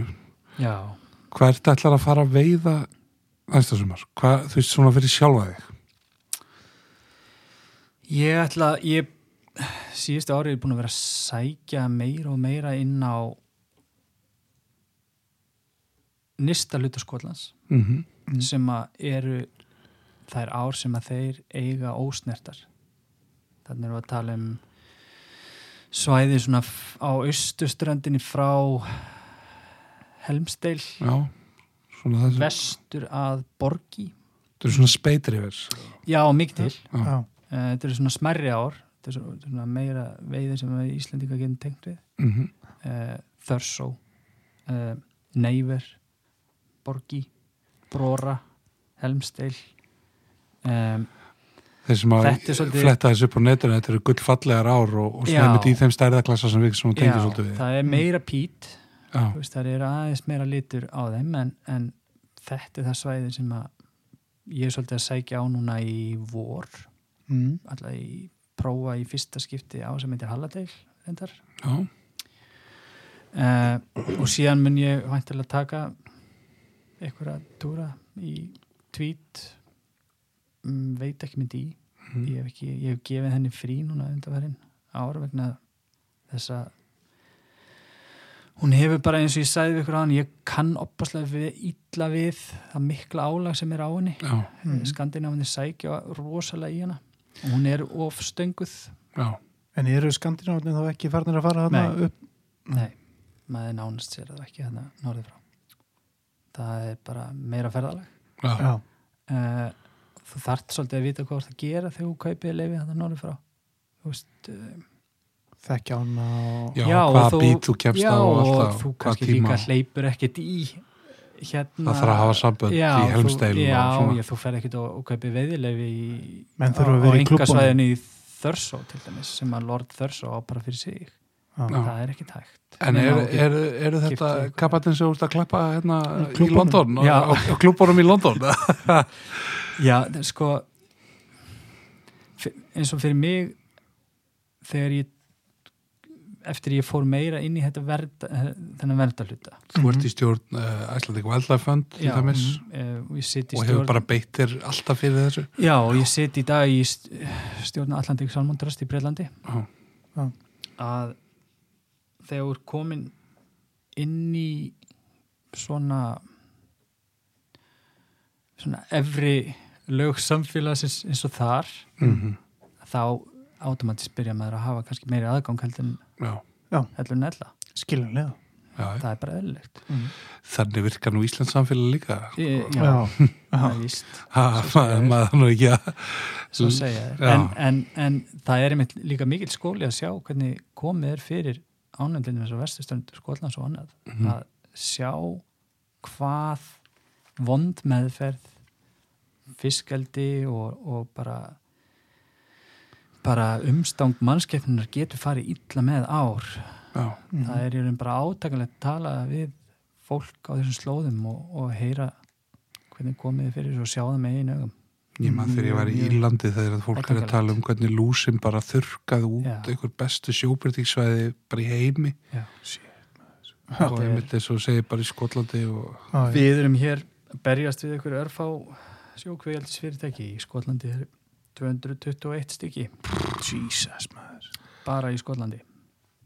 En það er, já, en þetta er þeirra svona kningnum lagsist það er eiginlega svona samfellt harmsaga sko, Já, frá, frá þinnuæðingu já, það má eiginlega segja það. En það er hérna veiði í Skotlandi og, og hvað er hérna heima sem á drepa niður í? Uh, Ég ætla það eru komið nokkur á síðan ég fór í kjara já, ég ætla Já. að endur vekja nú hánað með það. Já, já, Já, ég ætla og við farað þangað með góðum vinnum. Mm. Eh, það var nefnilega þannig að í fjöldamörg ár var okkur buppa bóðið stöng í opnunni kjara með hjá, hjá fyrir með legutaka mm. stundum það grimt og það voru svona mjög eftirminni túra við ætlum að endur vekja það núna og fara svona Það verið í opnurina? nei, reyndar ekki. Nei. Nei, fara aðeins hérna í júni með góðum vinum. Ég ætla að fara í Dalina langs og í Dölum vegna þess að Á hvað tíma verður hann þá?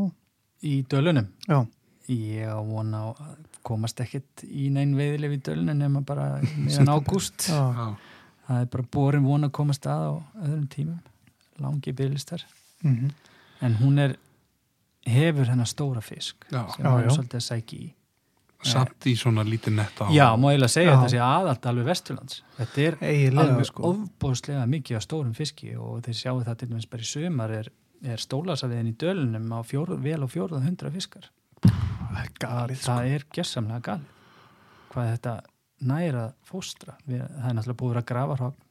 Já, nú komin búið að sprengja fram hjá Það er búið Fossi? að sprengja sólum og foss og, og hérna, ég er einu ekki sprengja, það er búið að leiða fram hjá honum. Mhm. Það er búið að fleiga í, í bergið og nú er kemst lagsinn bara Bjóð í nánast allum meiri hlutin fer væntalega upp í Já, eina, já, eina hann og uh, það sem eru bara mjög ákjásanleg rigning á búsvæði. Og það er mjög spennandi að sjá hvað það gerir. Já, Mhm, um, maður er einhvern veginn meira að hallast að þessum hrognagrefti ef að það á að vera í einhverju fiskrætt á borð. Mhm. Já, Það sem að náttúruvalið fær að ganga fram. Já, maður er eiginlega orðin svolítið ansnúin hinnu Já, mhm, það er bara of mikið yngripp að mér finnst að vera að selja klakfisk og, og sleppa. Já, við, þetta Já. er eitthvað sem að nú er það til dæmis við, í kjósinu og í Brynidalsá ekki Bryndarsá, nei, Nei, ok, nei En í hefur- það hefur ekki verið sleppt í Bryndarsá Kjósin er eina áinn innan regnasa þar sem er sleppt seiðum uh, og það eru uh, samt sem áður farið í hróknagröft uh, veiðifélagi kýsa að svona í og með að plástra svæði sem að þeim finnst hafa orðið út undan með malatekju vegna þess að Mhm. ef þið skoði nýja vegin upp gjósaskarið, þá er jú. að leggja saman 2 pluss 2 til þess að finna út nei, nei. hvaðan svo möguleg komin já, já. að og þar Það hefur er- rigning og, og uppeldi segða forfarist já, það er allavega ekki gert án þeir neitt Nei. greiða í gegnum tíðina og sérstaklega orðum upp á 2000, það var gríðarlega malatekja þarna Mhm. og ég til að hún sé að greiða fyrir það núna Já, já. já hennar rignun hefur svona einhver leiti verið hvað maður að segja, mystería hann er örgulega einhverju samverkandi þættir. Já, náttúrulega hafandi verið við ána svona lengi og sé með breytinguna mjög vel. Mm. um, Everisvæðin hafa gefið mikið eftir þrátt fyrir að Þrengslasvæðið og Þórufoss hafi verið friðað. fríða öll þessi ár. Um, á, þú veist, í hérna áður fyrir var fiskurinn komin fremst í ána bara upp úr Jónsmessu. Þú veist, já. Það er þessi snæm gegnum fiskur sem var tekin á maðkin og vissulega en ég minna við erum að sjá mikla aukningu í stólagsi í kjósinni líka mm Mhm. um, og sjóbyrtingun er búin að ná sér aftur á flug já, þú, náttúrulega við vorum hættir að lemja hann í hausinn Já. Já. Það voru, og það er bara fiskur sem þarf það Ég- Láta við hann í friði, hætta að drepa Ég skal og- segja gott Mhm. dæmi með, fyrst þú komast inn á sjóbyrtingin í kjósinni Í fyrra uh, fær eldri sonu minn tefnilega 16 bunda sjóbyrting í álabökkum uh, Ég kroppaði á honum uh, tvær flugur áður en að við sendum hann út í aftur. Uh, Sonu minn var þá hvað? 11 ár, 10 ára. Já. sjóbyrtingur var 15 ára. Þú sendir reistrið í greiningu. Hann var 5 ára meldin svona En þetta er bara með, Já, já. ef, ef ykkur er hérna í stangu yfirlega að gefla ykkur að hlusta, þá bara ég ykkur til þess að hætta að róta þessa stórkostlega fiska þetta. já það er mitt Sýnið um virðingu sem þeir eiga skilið en ég er mitt rosalega ánægð með að sjá þá vakningu sem er hann fyrir austan Mm uh, líka að sjá sko þessa kynslu sem er að koma upp í dag. Hvað hún sækir í sjóbyrtingu og ber fyrir hann miklu virðingu Mhm. þetta er geggjað Þetta er náttúrulega störlaði Stjarnfræði. og fyrir Íslanding sem vil veiða stóran fisk, þá getur komist sko í præmtæm sjóbyrtingsveiði á eitthvað pening sem gett ekki hálfkvist við eitthvað smálagsa veiði í lók september á Vesturlandi sko. þetta er Mm. líka bara veiði sem að þú kemst ekki í annars þegar í Eh, þú, get, þú þart að fara niður til Argentínu til þess að komast í svona sjóbyrtingsveiði 12 dólar á vikunni. e, já, Já. 13 tíma flug Mm og þú mátt gjöra svo vel að sitja á raskatinu nánast allan daginn Mhm. Já. og veiðan bara í húminu. Bara, þetta eru sko, fjóri tímar á dag? Mm. hérna er þetta sko- veiðan á púpur. nýðingsroki já, hérna er þetta veiðan á púpur og þurrflugur mm allan daginn. Já, já, og það er einstakt í heiminum í raun, já, það er það og það er það sem við sjáum í kjósinni við erum að fá fólk jafnvel í viku veiði. Já. það fer aldrei inn á laxasvæðin. Laxasvæðin. Það hangir bara yfir þessum fiski í heila viku. Skiljanlega. Já, ég hef svolítið verið að gera það Já, ég hef endað hann í leysögn í kjósinu Ég þetta er því. ótrúlega heillandi sko, geta verið bara með pingulitla púpur eða jafnvel fengið hann á þurflugu í júli og, já, já, já, og hann er komin snemma líka. Já, þú sjáu Mm. hann er alltaf komið fyrir mm. eðlileg það er náttúrulega ekkit eðlilegt við það en, en, en sjóbyrtingunni kjósin byrjar að koma í osmessu já, já. viku af júli er ganganum sterk. Já, 20. júli er hann búinn. Já, já, var það er bara þannig. komin sem Já, er einstætt, þetta er bara göngutími lagsins. Og svo eru bara gældfiskarnir neður frá síðan uh, bara fyrsta annan ágúst þá byrjar að fá gældfiskana mm. Já, neður á pollabreiðu og og neðst í áni en, en sko þetta er í raun stórmerkjalitt og í sumar var hann komin fyrir opnun sem að í raun bjarga í sumar Mm. Já, Mm. akkurat já mann er maður þarf að koma sér aftur í kjósuna mann það er ótrúlega hillandi að reyna þennan sjóbyrting og líka bara, já, þú kemst svona kannski fyrir þetta minni á þetta leik eða eitthvað, þá er bara erfitt að komast í teknískari veiði á svona stórum og og flottu viski sko mm. þetta já, minni var allar ég, talandi um það, allir teknís hvað, hvað myndur þú segja teknískasta veiði sé sem að þú hefur farið í? Hvað er erfiðasta á sem þú hefur veitt? sko erfiðast að lagsa það sem ég veit er, Nei, er ég er ekki þannig lags við þá það er minni allar leikur örugglega. minni allar leikur og, og svo, svo sjóbyrtingurinn í kjósunni Já, ég skal trompa því, ég veit um eina á sem er erfiðaðri en kjósin. Já. Prófaði að fara fyrir ofan þjóðvegsbrú í Holmsá. Já, ég reyndar já, já, já, já. Þegar mikið frambúðir á æti. veistu, ég gel nú bara mínu sjálfstæsti sem veðum hann ekki það sko þeir voru hérna hjá okkur kattisbræðir Óli og Óli er að fara þarna sko fjóru sinni í viku yfir nákvæmlega. og hann segir sko, þú, þú stígur á grein og sér Já. fisk fælast í 100 metra fjarlag sko. Það er þannig. já, Og ég er mitt hvet þá sem að telja sig vera orðin fullnuma í stángveði. Farið það- hérna rétt út fyrir bæjamerkin, Já. upp fyrir brú. Upp fyrir brú. Og í reynið Hólmsá og reyniði. Ég, eins og ég segi, það, það er ekkert grín. Ég býð hérna rétt hjá eitthvað, ég hef bara ekki gert mér það. Að, hérna, að bara gála því litla, bara um mínu veði sjálfstæsti hann var að mynda að sína okkur myndir hérna af fiskum sem hann búin að ná hérna fyrir ofan brú. Flotti fiskar sko. Jesus. Þetta, er- þetta eru, þeir ekki að fjara fimmbuta fiskar hérna sko. Já. já, ég er stærri. já, Það en þeir taki ekki hvað sem er. Nei. Og þú veist, öllum holdt að fara að prófa þetta Já. og þá kannski færðu svona hvað ég að segja tilfinninguna sem maður fær stundum einmitt í kjósinni, Já. hversu erfitt þetta getur verið. já, það Þetta að beita öllu þarna þínu. Þú, ligg, þú kemur heim í lénu, þú leggst á kottan í klukkutíma og þú hugsar hvernig í fjandanum að ég gera þetta. byrjun ágúst í kjósinni maður, shit, maður er alveg reitt á sér hárið þá sko.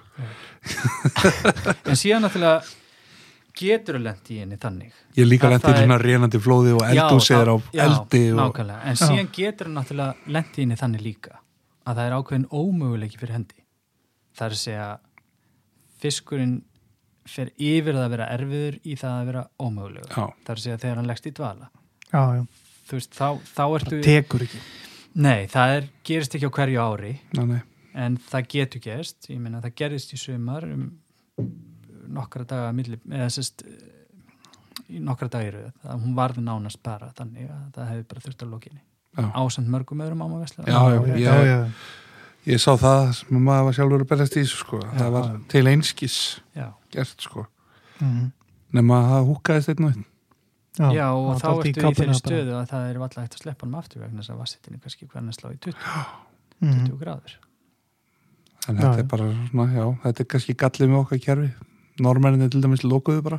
Já, við getum það ekki. Nei, já, Nei. við getum það. En að orðurnar þurfa að koma frá Hafranssonastofnun Já. já, já. og þá þarf að endur greiða já, það er þeir einir hafa valdið. Það er bara þannig. Já, já.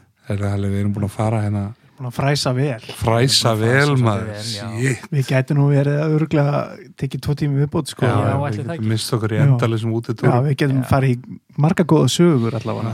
Já, já, er en- með eina góð í lokin eða? Mm, Já, það er spurning Það er Sko, að ég- mörg að taka með Það er að mörg, ég var einmitt að hugsa að Gilvi Gautur kallaði eitthvað á mig hann Það kælinum á múrabúðinu þeirra þannig ég, ég, ég kemði ekki akkurat fyrir mig það núna var eitthvað Já. með rauðan bíl sem á hesta. Já, já, já. Við.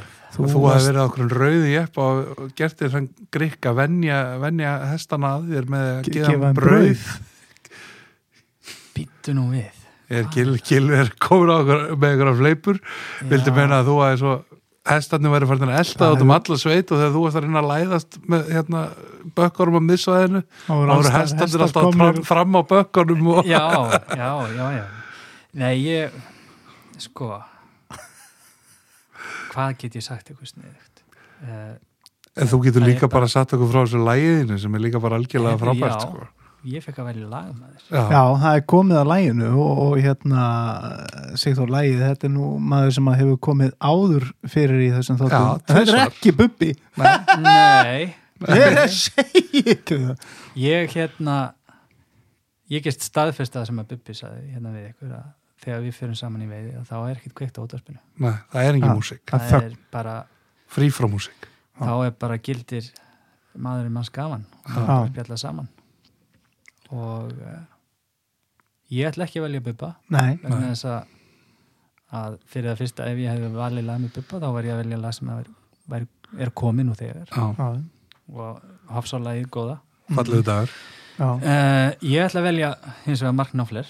Já, Magnofle er Og- det ene sem rýma við kartofler. já, nákvæmlega. Svo kom þetta enn aftur. Nákvæmlega.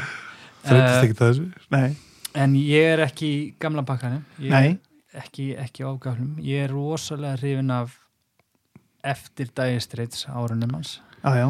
Það eru og komin á þegar þú segir þetta þá hugsa sko. maður Já, þetta er eitthvað algjörst Já, en en þú leiður okkur nú aðeins að lusta á þetta Já. ég hef nú ekki heyrtið það já ég ætla að velja hérna lag sem að ég tjúnaði alltaf ég fór í nesi til dæmis þegar, Já. þegar ég kom af afleggjaranum uh, niður frá ljósavatni og tók vinstir beina já, niður já, niður skal ég segja þér uh, svona ofan í aðaldalinn Já. nánast, mhm.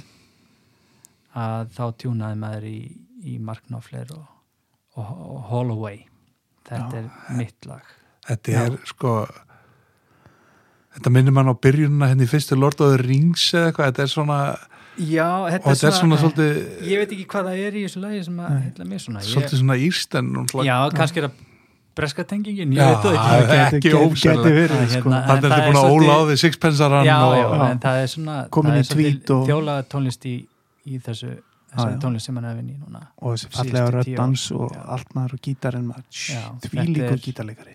þetta er 2000 og þetta er að blötu sem heitir Privateering 2012 eða 13 minnum þetta kom allan skemmtilega óvart.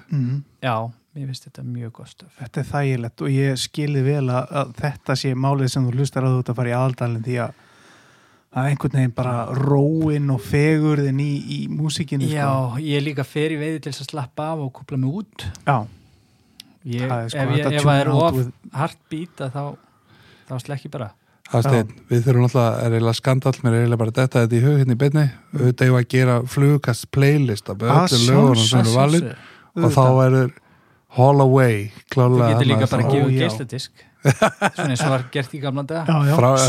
Sumari 2009 Já, seldi þetta í veiðufélaginu. Veiði sumari 2020 svo kaupir það þá er ég geislaspilarinn í bílni Já, já, nákvæmlega. Erum við gerum þetta Sigþór, við gerum playlist sem verður, það sem að allir hérna sem að gestir okkar hafa valið og, og svo slegir Já, skulum ræða þetta með slegirinn en allir knoflurinn sé ekki fann að hljóma hana hann er komin undir og Holloway, geggja lagali og takka kærlega fyrir komuna takk fyrir Takk okkur fyrir að fá mig ótrúlega gaman að spila þig Já, Sumulegis It was a windless night when you left the ship.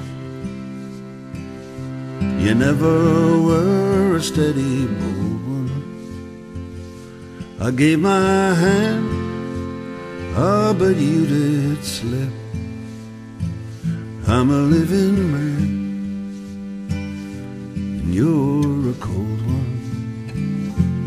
All the way, all the way for home. My love's as fair as a girl can be. My wedding ring's a heavy gold one. Now you lie alone in the deep dark sea. I'm a living man, and you're a cold one. All the way, all the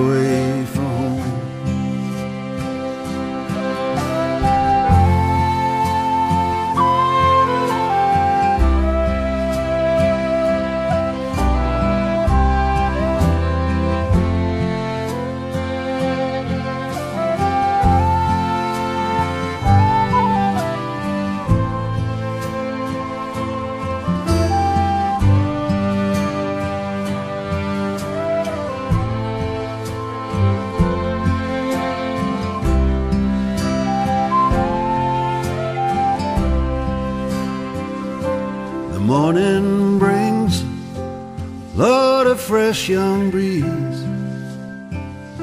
to fill our sails and end the doldrums. A lucky ship speeds across the sea. I'm a living